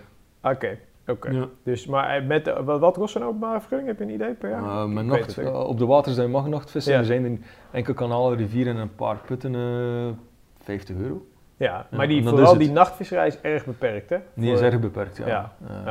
Ja. Dat, dat, Maar wij zijn opgegroeid in een periode, die nachtvisserij is er nog maar van 2004, 2005 of zo. Ja, dus daarvoor was het eigenlijk Ja, en wij zijn zo opgegroeid van, eh, ja, je steekt je s'nachts weg. En, eh, geen haan die er naar Ja. geen enkel probleem. ja. Er was veel controle op sommige wateren en eh, heel veel razzia's. Ik ben er twee keer dichtbij geweest, maar ben nooit gepakt geweest om te nachtvissen in die tijd. En, en ook later nooit. Eh proberen wel mee op te letten, maar ik, ik heb zoiets van, ja, we doen niks verkeerd. Eh, nee. ik ben ook niemand die... eh, niemand die tenten eh, opzet waar, waar je ja, feestjes kunnen houden. Ik, Ja. ik vis ook altijd heel beperkt en ik heb niet de indruk van dat ik iets stoor. En als het overdag mag doen, waarom zou je s'nachts niet mogen? Ja, maar dat ben ik met je eens hoor. En, en, en syndicaten, dat zijn dus systemen waarbij er een beperkt Een aantal beperkt vergunningen aantal zijn. vergunningen, ja. En vaak wachtlijsten om weer Ja, ongekende wachtlijsten. ongekende wachtlijsten. Ja, Oké. ik, ik heb zo eentje, ik heb een vergunning op het Waasmeer en ik Ja. denk dat daar nu 100 man op staat. Voor de wachtlijst. En dat er Ja. bijna niet tussen raakt. Ik, Ja. eh, ik heb er zelf acht jaar op gestaan. En destijds was er een overgang van eh, een beheerder naar, naar- van de oude, het oude beheer naar Patrick Bouwens. Ja, Heb ik lang op die lijst gestaan. Maar gewoon door die overgang denk ik dat ik... en Alles is eerlijk verlopen, maar dat je er gewoon iets, iets vlugger bij raakte. Want ik denk Ja. dat het vroeger niet eerlijk verliep. En veel van die water dat ze zeggen, eh, het verloopt eerlijk, Ja. maar, maar dat is het niet. Bijvoorbeeld in Patrick's geval, die print alle mails uit. uit. En dat Eh, is de de- wachtlijst. en- ja, met ja, data. Dus, dus dan heb je de datum en eh, kan, kan er gewoon geen discussie zijn. Ja. Maar dat is Ehm, wel zo, ja. zo transparant. Maar ik, ik, ik heb zelf drie of vier syndicaatvergunningen. ja. En als ik erbij stilsta, ik, ik vis er heel weinig. Of het is dan eens ook om te filmen of zoiets. Of als, als er iemand zegt van, doe Ik eens een social mee, of zo. Dan gebruik ik dat daarvoor. Maar als, als ik dan weer ja, de tijd heb om te vissen, wil ik iets, iets zelf, iets, iets anders doen. Ik ben niet iemand die constant op hetzelfde kan zitten kijken of doen. eh eens je zo de truc ergens door hebt, ja, ik heb daar moeite mee om, eh, Om daar de voldoening ja, uit te halen. om, om hetzelfde Zijn, te zijn, doen. die, zijn die vergunningen duur voor die syndicaten? Valt mee, in, in- in Belgische normen, eh, de duurste die ik heb is nu 200 denk ik. Ja, oké. En de, de duurste die ik ken is 300. eh. In Engeland is dat, is dat veel gekker. ja, eh, is, die dat, is dat ik vorige week viste was 1000 pond per jaar? per jaar. Ja, ja, bizar. Ja. Ik denk dat, ze, dat die mannen zeker 200 vergunningen verkopen. eh, dus ja. En vaak Dus- hebben dus- die vissers daar van een aantal van dat soort wateren die vergunningen, toch? in Engeland, ik denk dat we alles denken, ja, dat, dat, Ja. dat ook een aantal van die vergunningen. Maar ik denk dat in Engeland bijna alles syndicaat is. Ja, dat is ook extreem. Dat is extreem daar. Ja. Of day-ticket, en dan, dan betaal je ook. Ja, eh, rot. eh, 10, 20 pond per dag of Ja, zo. dat kun je niet voorstellen in België met 50 euro voor, eh, of Vlaanderen. eh, Voor een dag vissen, ja. voor- ja, gewoon voor, voor die openbare dingen Ja. in België is, is ja. Dat is een andere, ander systeem. Hey, Ja. En je hebt het ook voor elkaar gekregen om zelf met Monkey Climber een, een water te pachten, toch? Ja, dat- ja, dat was eerder toevallige water waar ik vroeger, eh, als 15 jaar, heb ik er eens over het hek gesprongen. Klein- Dus maar klein water, een zandwinningsputje, een soort ja, een klein bosrijk gebiedje. Ja. Eh, twee hectare is dat groot. En ehm sprong ik eens als 15-jarige omdat ik in de buurt op een ander water viste, is over de poort. Ja, Dan zie je op, de- op die zandplaten eh, mooie karpers liggen. ja, ja. Maar ik weet nog, de eerste keer dat ik erover sprong, hadden we hengel mee. We wouden die met, aan het oppervlak van, dat lukte niet. En we stonden misschien een kwartier en er was al volk aan de andere kant eh, die er wel mocht vissen, een stuk Ja. of drie man. Dan moesten we al weglopen. eh. en in de jaren Ja. daarna leerde ik iemand van die drie mannen kennen die er mocht vissen en een paar keer meegemogen. Ja. Ehm, er zat een bestand op van 30 vissen. Oude vissen eh, tot op het einde 23, 24 kilo. Ja. Dat moet zo rond 2009, 2010 geweest zijn. Maar wat echt groot is voor mijn regio, in mijn regio heb je niet veel grote vissen in die kant van België. Ja, Aan de kust, ik weet niet waarom dat, dat is, maar behalve dat reservaat en misschien hier en daar is een uitzondering, heb je niet heel veel grote vissen. Ehm, is het toen verkocht geweest aan de jachtopzichter, ja. eh, dat water. Vlogen die vissers eraf, eh, die erop mochten, eh, die, want die hadden een slechte relatie ermee. Ja. Ik weet niet wat, wat er precies aan de hand was. ja. En die jachtopzichter belde naar mijn werk van hey joh, ik heb water hier, eh, eh, ik zou dat willen verhuren. Ja. Eh, heb ik dat aan het VBK voorgesteld, maar die wou enkel, hoe was het weer? Die wou zeven, enkel, slechts zeven vissers, zoals in de jacht, een heel beperkte groep. Ja. Vroeger een forse som voor, ik zeg ja dat lukt niet. VBK was er ook niet geïnteresseerd, want die willen enkel ja, open access water hebben, dat, Ja. dat iedereen van de leden Ja, toegang op kan krijgen. Die, die eigenaar wou dat niet. Heeft hij dat een jaar niet verhuurd gekregen, belde hij me weer op. eh, zegt hij van ja, heb je zelf geen interesse? Ik zeg ja, maar voor die prijs kan je niet aan zeven, zeven man kwijt. Nee. Dan zegt hij ja, het is goed voor 15 man of zo. eh. Ja, maar het probleem was, ondertussen had die, die, die jachtopzichter, die nieuwe eigenaar, ja. vissen zelf wel eens graag op paling. Die had er 30 kilo paling op uitgezet. Ah, En eh, heel dat bestand was dood. wow, door die uitzetting. Ik weet niet of het... Ja. Ja, dat is gebeurd en die sterfte Ja. was er. Maar ja, heeft een met het ander te maken, dat weet je. Want En het al die- complete bestand ook echt Eh, ik? er waren toen twee karpers over. Ja, Ehm een die vroeger nooit vervangen werd. Een magnifieke oude rij van een kilo of tien, Ja. zo zwart als iets. Eh, die komt er nu één keer per jaar uit of zo. ja, ja. eh, en nog een, een oude schub, maar die, die, die is het jaar erop gestorven. Dat was een vis van een kilo of 16, 17. eh Ja. Echt een karaktervis. Zo. Ja. En die noemde Softenon. En omdat hij maar eh, een heel klein vinnetje had aan één kant. Ja. eh, echt een maar ja, die, die, is, die is ook gestorven. En toen zijn wij begonnen, ehm, en we waren met een man of 12 of 15, die, die ah, gewoon die, die som samenlegden om, Ja, eh, om om die put te huren. Dat was, dat was eigenlijk, nou, nu noemen we dat Monkey Climber Syndicaat, maar dat was, dat is eigenlijk eerder al lachen te komen, want dat waren gewoon vrienden. die dat Ik, samen... ik pakte de verantwoordelijkheid op mezelf en, en, en dat was het. en dan hebben we vissen uitgezet die handgroot waren. Een aantal mensen die ik kende hadden er zitten van dat reservaat. Ja. eh, van vissen die ze, die ze uit het wier haalden van, van 2, 3, 4 centimeter en tuinwijvers opgegroeid hadden. ja, Dus dat hebben we uitgezet.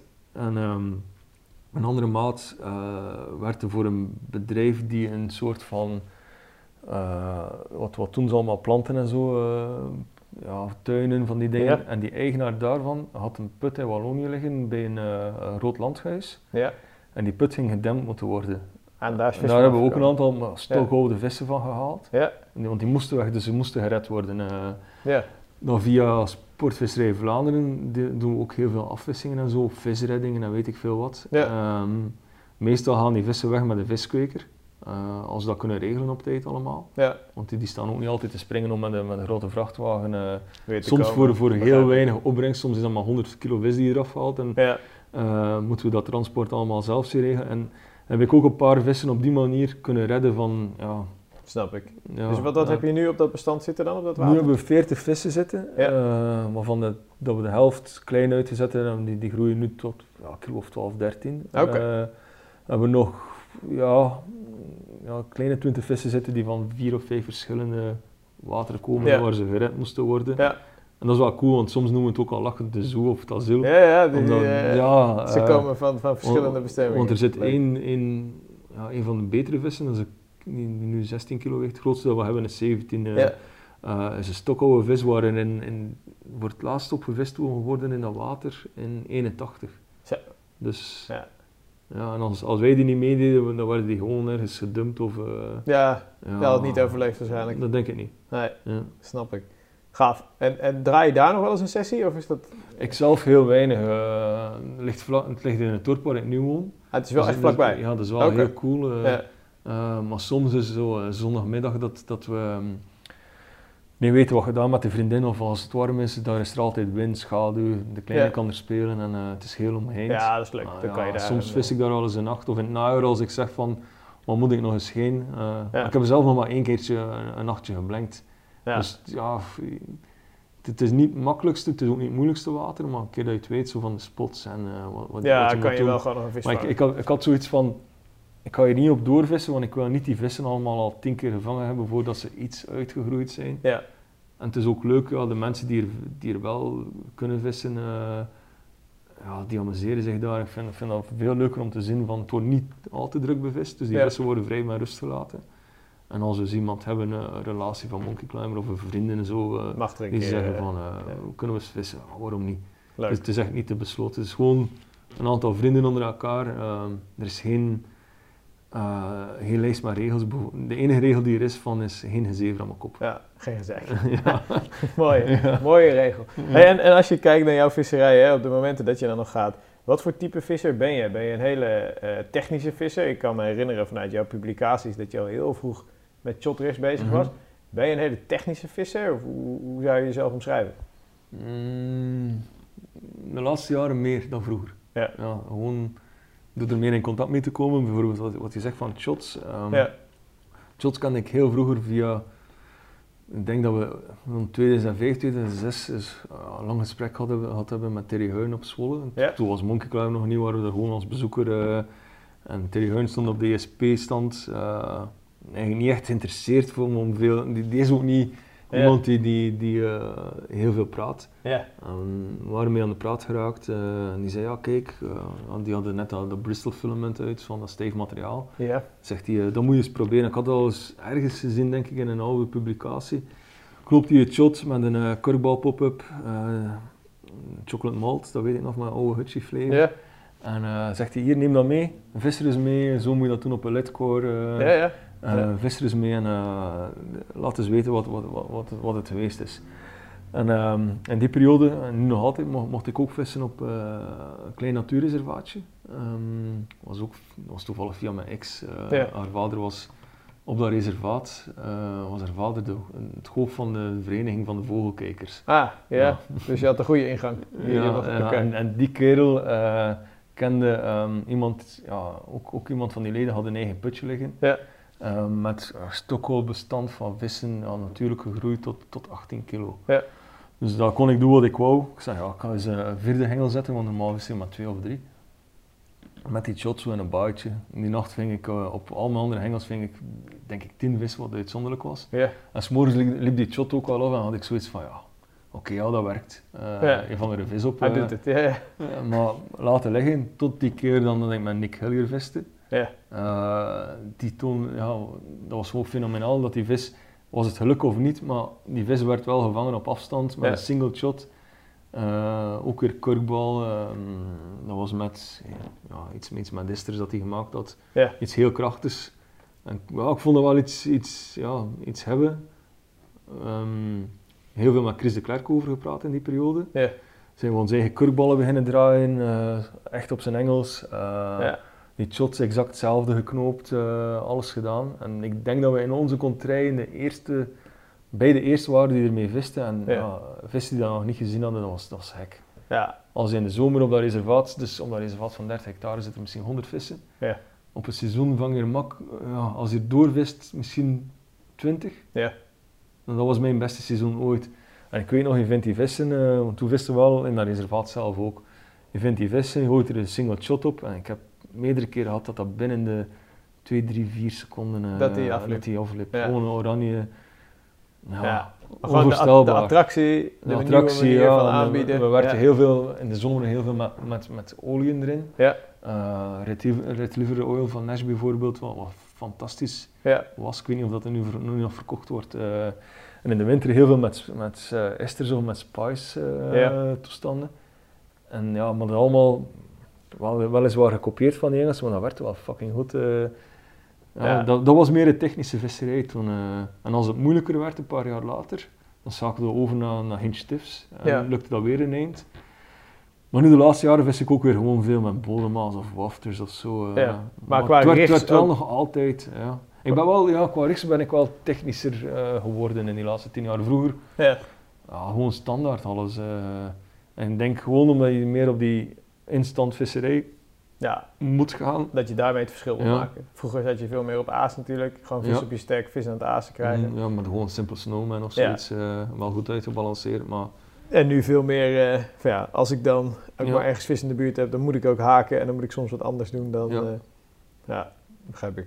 Hey, en als je kijkt naar eh, andere aspecten in jouw visserij, hè, eh, ben je echt een aasfreak? Ben je daar heel erg mee bezig? Eh, heb je bepaalde voorkeuren? Eh, vis, zoet, groot, klein, eh, flavors? Heb je daar Ja, echt een specifieke filosofie over? filosofie niet, maar ja, ik, vis- ik vis al 30 jaar op karper of zo. En Ja, Je denkt nog altijd soms, je weet dat dat niet het geval zal zijn, maar je denkt nog altijd soms je het gouden ei Ik ben daar heel veel mee bezig. Ik heb Ja. ja, heel lang zelf mijn boelies gerold. En nu soms nog als ik tijd heb, maar ja, dat gebeurt niet vaak. Eh, ik heb een hele rolinstallatie. ja. Ehm, eh, normaal heb ik mijn boelies van Sissi Moor, maar soms bestel ik ook gewoon hun mixen. En dan, dan kan ik er zelf wel wat, ja, kun je er eierschalen in doen. Ja. Ik geloof wel in dat kraakeffect eh, als het eet. En, ja, je kooktijden veranderen. Of, of wat ik ook laatst gedaan had, was, ehm, ik had live systems gemaakt. Was er wat witte kleurstof aan toevoegen, zodat, zodat die meteen lijken als dat ze uitgewassen zijn Ja. onder water. Ja. Zo van die dingetjes. eh, Daar experimenteer je wel mee. ja, ja, dat, dat doe ik wel nog. Formaten ook. eh Ja. ja, vind ik wel leuk. Maar denk je dat het, is dat je echt verwacht dat je daardoor Soms wel. dressuur doorbreekt?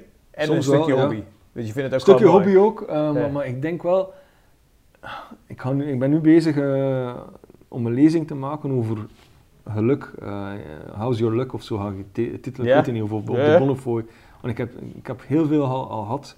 En mensen hebben erop gewezen, als ik ergens toekom, de eerste keer, vang ik een van de goede vissen of eh, een speciale vis. Ja. En Ik, doe, ik denk dat je niks, niks anders doet, maar uiteindelijk als je dan bij stilstaat, zitten er wel een paar andere dingetjes soms tussen. Geluk zal er zeker een grote factor zijn. eh. Waardoor je toch... Maar ik denk, ja, soms lukt het ook niet, hè, dat, dat je een idee voor je hebt van ik ga het zo of zo doen. En Ja.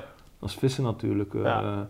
Ja. Mm, ja, in, in, Maar de details die er af en toe in zitten, maken het verschil dan. ik denk van wel. Ja. eh, of, of het is te veel om, om, om een toeval te zijn. Bijvoorbeeld, via maat vis ik heel graag met ehm, eh, glow in the dark Ja. mais. als topper op, op, ja. op, op, op een boilie als topper of zo. En eh, op één water lukt, lukte dat enorm goed, sowieso. Ja. En twee jaar terug kom ik ehm, op familievakantie, zat eh, Jelle van Dalen in de buurt te vissen. Jelle, Jelle is een collega van me op het werk en eh, die kennen jullie misschien ook wel van... eh, Van naam ja. ja. en die zit bij Nesh en zo. Ja. Ehm, zat in de buurt te vissen en zegt van, ah, jij, jij zit daar op, op, ja, op, op vakantiehuisje. Ja, Doe je materiaal mee, ik zal het bij me pakken en als je zin hebt om me af te doen, kom maar af. Dat was een moeilijk water. En eh, ja, kreeg ook weer zo'n ingeving, ah, ik ga, ik ga eens, eh, de eerste nacht dat ik viste, Ja. Jelle, had nog niks gevangen. Eh, na twee of drie nachten, ik zeg, ga er zo'n glow in the dark, maar echt een boilie aan hangen, met een tijgernoot. ja, Vaar ik hem uit, en binnen een uurtje run, eh 19 spiegel. ja. Ongelooflijk. Dit jaar opnieuw. Ehm, op Heilakker had ik nog nooit gevist. Eh, Glow in the Dark. Wel met een speciale ring, maar daar ga ik niet veel over vertellen. Ja. eh. Eh, want, want daar heb ik wel ja, iets, iets dat ik zeker van ben dat het dat verschil maakt. ja. Ehm, leg ik die uit, ook als enige hengel. En die loopt ook weer af en dan vang je, vang je die volschub. En dat je zegt van, ja. Maar je soms die- is het te veel om, ja, om om toeval, te zijn. Maar va- Maar ik- vis je die single hoekbeet dan, of voer je wel bij? Ehm, dat, was beide keer met iets bijgevoerd. Ja. Oké, wel wat. Ja, iets, maar niet veel. Want op die, bijvoorbeeld op die laatste, op die Vision, heb ik heel veel jongens gezien, dat was vlak voor de paai, en die hebben de foto gemaakt van, eh, ja, je mag met de boot op het water, en het is verleidelijk als je met de boot ergens zit, van, Ja, hup, hup, hier wat Ja. voer, daar wat voer, en eh, het, ligt het ligt een paar kilo, en, er waren jongens die tot 10 kilo gevoerd hadden. En ik heb op dat weekend toen een litertje hennep verbruikt op boliekruim, en Theo van Heilakker, die voert zijn vissen bij met eh, eh, gewone mais die hij gekookt heeft. Ja, Dan stond in een boot zo'n emmer. En heb ik zo'n schepje eruit, eruit gepakt en eh, hier en daar misschien tien korrels gestrooid. ja. ja. Maar veel tactischer dus. Je vist veel ja. subtieler dan... De laatste jaren ja. wel, vroeger niet. Maar ook denk ik op met name dan dressuurwateren, toch? Waar het ook gewoon, ja, waar je weet dat als, het als dat niet nodig is, doe ik het niet. Maar bijvoorbeeld kanaal Gent Oostende daar, wat ik veel voer, die, die ene rig, die leg ik soms ook eens in. Eh, en dan zie je toch vaker dat die als eerste vertrekt, zelfs op de slechtere stek. Ja? Ja, had ik nu ook weer met filmen met Mark Pansaar. Ik heb, hem Ja. niet, ik heb hem gevraagd om hem niet te filmen. eh. Ja, ja, het is nog even eh, geheim van de smid. Ja, Je maakt ons wel nieuwsgierig, hè? dat begrijp je. Dat, nou, misschien zo meteen als de recorder uit is, dan nou ja, komen we nog een keer op, op terug. Hey, en, en elementen als eh, luchtdruk, windrichting, eh, ben je daar heel erg mee bezig, dat soort te weinig. omstandigheden? Door, door die Engelsen heb ik dat heel eind gevolgd. Ja, Ik heb een maat ook, eh Philippe, die dat heel hard volgt. Ehm, en ja, bijvoorbeeld de heb je Ja. een paar apps voor. Ehm, het klopt wel, zeker in het najaar heb je zo'n paar periodes eh, die echt pieken om, om vooral grote schubs te vangen. ja, Maar ik heb al heel veel grote vissen gevangen ook, of weten vangen als we het opvolgen van, van een aantal vrienden. ja. Die, die, ja, als die app volgt, ja, 0% eh, vangstkans. En wel vangen. Ja. ja. Maar in het najaar, als je, als je weinig tijd hebt en je kunt die pieken volgen, dan geloof ik dat zeker in. Ja. eh, iemand als ehm, weer die Nick Hillier, die, Ja. die kwam vroeger enkel, die deed 14 trips in Europa. En die baseerden ze allemaal rond die maandstanden. eh. Ja, en, En- vorige week ehm, met Mark, dat we die zes runs kregen op, op die ene stek, op Ja. anderhalf uur. Dat is, dat is ook uitzonderlijk, sowieso op die stek. We keken op de app. Was perfect eh, qua maan eh, die nacht die, die wel- ging komen. welke maandstand eh, volg jij dan, zeg maar? Wat, wat zijn voor jou Ja, naar indicaties? volle maan toe. eh. Naar volle maan toe. Ja.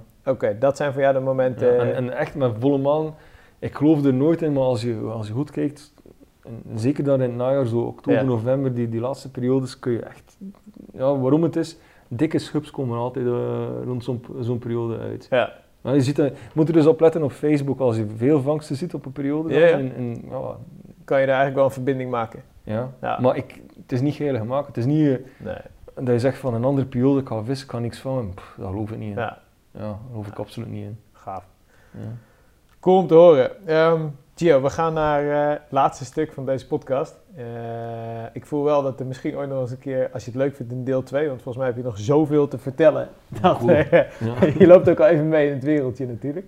Ehm, even een paar, een paar out-of-the-box vragen nog. Heb jij nog iets in jouw visserij qua materiaal, zonder te veel reclame te maken, maar wat je echt vooruit geholpen heeft in je visserij? Is er iets echt gewijzigd de laatste jaren, waar je zegt van, nou, dat is voor mij echt een... Goh, eh, Vis je, vis je nog met, met 12 voethengels? jawel. Ja? Jawel. Ah, oké. Nog een Ja. van de weinigen die echt nog... eh, ja? Niet zo vaak, maar, maar bijvoorbeeld ja, afstandswerpen. eh Ja. Obstakelvissen geloof ik nog altijd in een 12 voethengel. Ja. Eh, maar scoopjes zijn wel gemakkelijk of, of iets korter. Ja, andere iets merken kort, iets korter, kortere hengels. Dat, dat is wel zo. Of, of als je zegt van die instantvisserij hebt. Ik heb altijd in mijn bus ofwel achterin een scope liggen die, die opgetuigd is volledig. Ja. Eh, en nu recent heb ik zelfs eh, ja, ik heb een transporter zo tussen de passagierszetel in en mezelf. Ja, en daar Staat er ook eentje, staat er ook Ah, eentje mooi. Ja, ja. ja, dus dat, is wel handig. Ehm, maar ik vis wel nog met 12 voetenhengels. En je ziet wel dat dat vermindert. Ja. Wat ik ook opgevallen ben, wat wat me ook opgevallen is vorige week, dat interview met die Dave Levy. ja. Die kerel is een kop kleiner dan ik, dus ik ben een meter 86, dus wat zou je zijn, een meter 70 maximum Ja. of zo. En die wist met 13 voet, dus totaal niet, niet zijn... Nee, nee, verhouding. Ja, niet zijn verhouding. Ehm, en ik vroeg hem waarom. En dat Raspberry, dat staat vol met, met, met planten. eh, Ja. En die vissen zo op een meter of, ja, wat zou dat zijn, 70 over die planten. Ja. Oh, In het eerste had dat hij tegenkwam. En die Engelsen zijn niet, niet gewoon om met boten te vissen. Ik had mijn boot mee, ik heb, ik heb hem ook gebruikt. eh, Ja. Maar die drillen gewoon, gewoon alles vanaf de kant. Ja. Dus ehm, zegt hij, ja, met die 13 voet kan ik net iets meer druk hoger zetten. En eh, ja, die planten, ik heb ook één keer geprobeerd op zijn hengel als hij een beet had om dat te doen. Ja. En eh, je kunt er echt, die, die, die planten voel je ermee loskomen. eh. Ja. Maar dat is echt fenomenaal. Wel, wij, wij kan hier ook planten. maar in Engeland, ja, die vissen kwamen mee. Ja, zeker plantenplakaten van ja, 20 vierkante meter of meer. Ja, gewoon echt giga. Ja. Ja. ik, ik vind dat zelfs geen vissen. Ja. Maar ik ben, al- twee vissen die ik zelf had, ben ik om geweest met Ja. de boot. Ja, ja. Ik vind het veel veiliger om, om boven Om die te vissen te, komen. en gewoon... eh. eh, En die Engelsen denken van ja, als je met de boot op gaat, ga je geen beet meer krijgen, dressuur, dit en dat. En eh, ja, het was niet met de motor, het was gewoon roeien. ja. Dus ik probeer heel traag over het water te, eh, ja, je peddels niet te diep te steken dat je erover glijdt. ja. En twee keer gehad van, eh, ja, je vangt de vis, dus die stek is verstoord van die vis, je bent er boven aan het trillen. Eh, je gooit de hengel opnieuw uit, en dat Ja. hebben, we wel gedaan, al gooiend. Eh, binnen een kwartier krijg je weer Loopt hij beet. Dus weer af. Ja, dus die dressuur, Ja. dat is, is lastig. Dat zit soms in, de- in het hoofd ook, denk ik. eh. Ja. En ik Ja. weet dat je helemaal geen man bent die op kilo's stuurt hoor. Je gaf natuurlijk wel aan van nou, een goede sessie gedraaid in, in België, daar nog 40ers en, en zelfs een 50er Mhm. gevangen. Eh, is die 30 kilo grens voor jou, is dat iets? Dat wil ik wel eens, ja. Ja? Maar het is niet dat ik ga zeggen van... ah, Ik ken ook die water in de Alpen waar ze zwemmen. Ja. Maar om, dan heb ik zoiets van, iedereen kent die water en dan heb ik niet zoveel zin om Daar snap ik die aan te nog eens. Want mijn Ja. grootste vis nu is een vis in Parijs, eh, 27 hen. Ja. Die is al gevangen op 32, ook in, diep in het najaar. Ja. Ik- dat was ook zo eentje. Ik was er een uur aan het vissen, ik had die vis en mijn maat, Ja. die vist er al 10 jaar, ja, 60 nachten per jaar. En die, eh, Die heeft hem niet, dus... eh, wauw. en die had ik ook op een, een totaal ander stek waar nooit gevist werd. Verwacht je die grens misschien dit jaar nog te doorbreken, dit najaar? Nee, Geen concrete plannen? Nee, ik denk dat niet. Oké. Misschien- Ik hoop wel nog in de komende jaren zo gewoon... Ja, Ah, een keertje, maar je bent er niet op aan het jagen. Het is Nee, niet je... Nee, mijn visserij, als ik... Ja, ik ben opgegroeid ja, langs het kanaal. Een vis van 10 kilo was een grote. Waar ik nu woon nog altijd, is een 10 kilo vis een grote. En Ja. In mijn regio is een 15 kilo vis echt al Goed. heel Echt een goed. goede vis. Ja, Dus eh, alles wat ik vang... eh, maar ik vang wel graag grote vis ook. snap ik. Dat ene jaar dat ik er 10 had, eh, als Loki net geboren was, Ja. eh, ah, dat was ja, fenomenaal. Waren allemaal mooie Tuurlijk. vissen ook. Ja. Die 30 kilo grens, ja. Het is niet dat ik spe- speciaal naar jaag. Ik ken, ik ken zat jongens zoals Gal ook, zijn grootste is ook 27. Ja. En die zegt ook van, ik wil het ooit wel eens, maar Het komt wel. Ja. Komt het niet, dus is het ook goed. En van mij is het ook zo. Kunnen we ooit nog een, een, een echt boek volledig van jou verwachten? Ja, ik denk dat ik daar te bescheiden voor ben. Ah, oké. Nee, eh, Oké. Nog ik heb zoiets- Ik heb zoiets van, een boek is voor, voor gasten als een alleen, eh, Ja. die, die, die alles bewezen hebben dat er toen te, be- te bewijzen viel en die nog altijd zijn ding doen. ja. Ik zou dat liever een boek van een Ronnie de Grote zien of een Cottenier. Ik weet niet wat ik zelf Misschien, over, heb. misschien over 20 Misschien- jaar. Misschien- ja, ik heb wel eens een, een toffe sessie beschreven. Zo. Ik denk dat ik wel redelijk iemand kan meepakken in een sessie, maar Ja. ik weet niet of ik genoeg gevangen heb om, om te bewijzen. Ja, hoeft dat voor een boek? Misschien niet. Nee. Misschien kan je ook gewoon leuk Sfeer, schrijven. beleving. Ja, in, in, de, in de tijd van tegenwoordig, ja, een, een boek Moet iets bijzonders zijn. moet iets bijzonders zijn. Ja. Ja. Misschien, misschien niet, ja. Cool. En we gaan naar eh, het laatste stuk van de podcast, dus kiezen of delen. Gewoon even op, op, op Mhm. gevoel. Eh, er zijn 15 ja, stellingen, tegenstellingen. Vissen in 15. België of vissen in Frankrijk? Eh, nu vissen in Frankrijk, ja. Shot of simpele bodemrig? Toch nog altijd shot. Of, of de, de variant erop. Kijk. Rotpot of losse banksticks? Losse. Of, of niks, gewoon op de grond. Gewoon neerleggen. nooit meer vissen of nooit meer schrijven? Oh, fuck, dat is... Dat is nou, dan ga ik toch wel voor nooit meer schrijven. Ik- Nooit ik wil vissen is gewoon, dat kan niet anders. Bollen of particles? Ja, boelies, ja. 10 of 12 voet? 12 toch, eh, omdat je meer dingen mee kan doen. Ja. Het is Vooral multi-inzetbaar. Belgisch kanaal of Frans stuwmeer? Mm, kanaal toch. Kijk. Ja. Volgende is een moeilijke denk ik voor je. Engels date-ticket of Frans betaalwater? Toch nog date- date-ticket. Date-ticket. Voeren of instant vissen? Liefst voeren, maar dat lukt niet meer. Ja. Een Engelse 20 kilo of een Belgische 25 kilo? Mm, misschien toch die Engelse toch, ja. Meerwaarde? Bijzondere denk ik hè? Ja, ik denk dat het moeilijk is om... eh, er zijn niet veel Belgen die dat kunnen zeggen. eh. Ja. Ja, hebben, hebben we twee seconden tijd? Of, Twee seconden? Ja, of, of, Ja, wij- wij nee, noemen dat tuurlijk. twee Nee, nee, Maar tuurlijk, Ik heb, ik heb wel, we hebben een proeflezer bij. eh, Ja. Dat is eh, Phil Dupont, dat is, dat is een kerel die vroeger Purple deed, eh, Ja. een merk. En die doet nu niks meer. En ja, ik heb die een paar jaar geleden leren kennen, doet dus heel veel achter schermen voor ons. Die heeft een Engelse 40. Ja. En dat is echt wel een bijzondere, co- coole vis met historie. Ja, en een van onze trouwe leden of, of volgers, ik wist dat niet, die had jaren terug een eh, ticket op eh, Engelse Mainer. Mainer Farm. Of, een- En ook een 40 en die heeft zelfs een Engelse 50er, Oh wauw. een bekende vis Stella. En ik wist dat totaal niet. Ik kwam er onlangs mee af, zegt hij, kijk, ik heb die gevangen, ik geloof dat hij die zelfs aan het oppervlak had. Ja. Dus Dan maakt het misschien oké. iets specialer, maar het is niet dat... Ik vind niet dat Engelse vissen per se een meerwaarde hebben of moeilijker zijn. Of, of... Ik heb vier keer in Engeland gevist, ik heb altijd vis gevangen. Niet de grootste, denk tot 35 Engelse pond. Ja. Maar Nou, het een Engelse als je 20 hier vis kilo, kan... Ja, die zou je nog wel willen, Ja. willen bijschrijven. sowieso. Nylon of gevlochten? Uh, mijn visserij bekeken is meer zware nylon. Ja. Varen of werpen?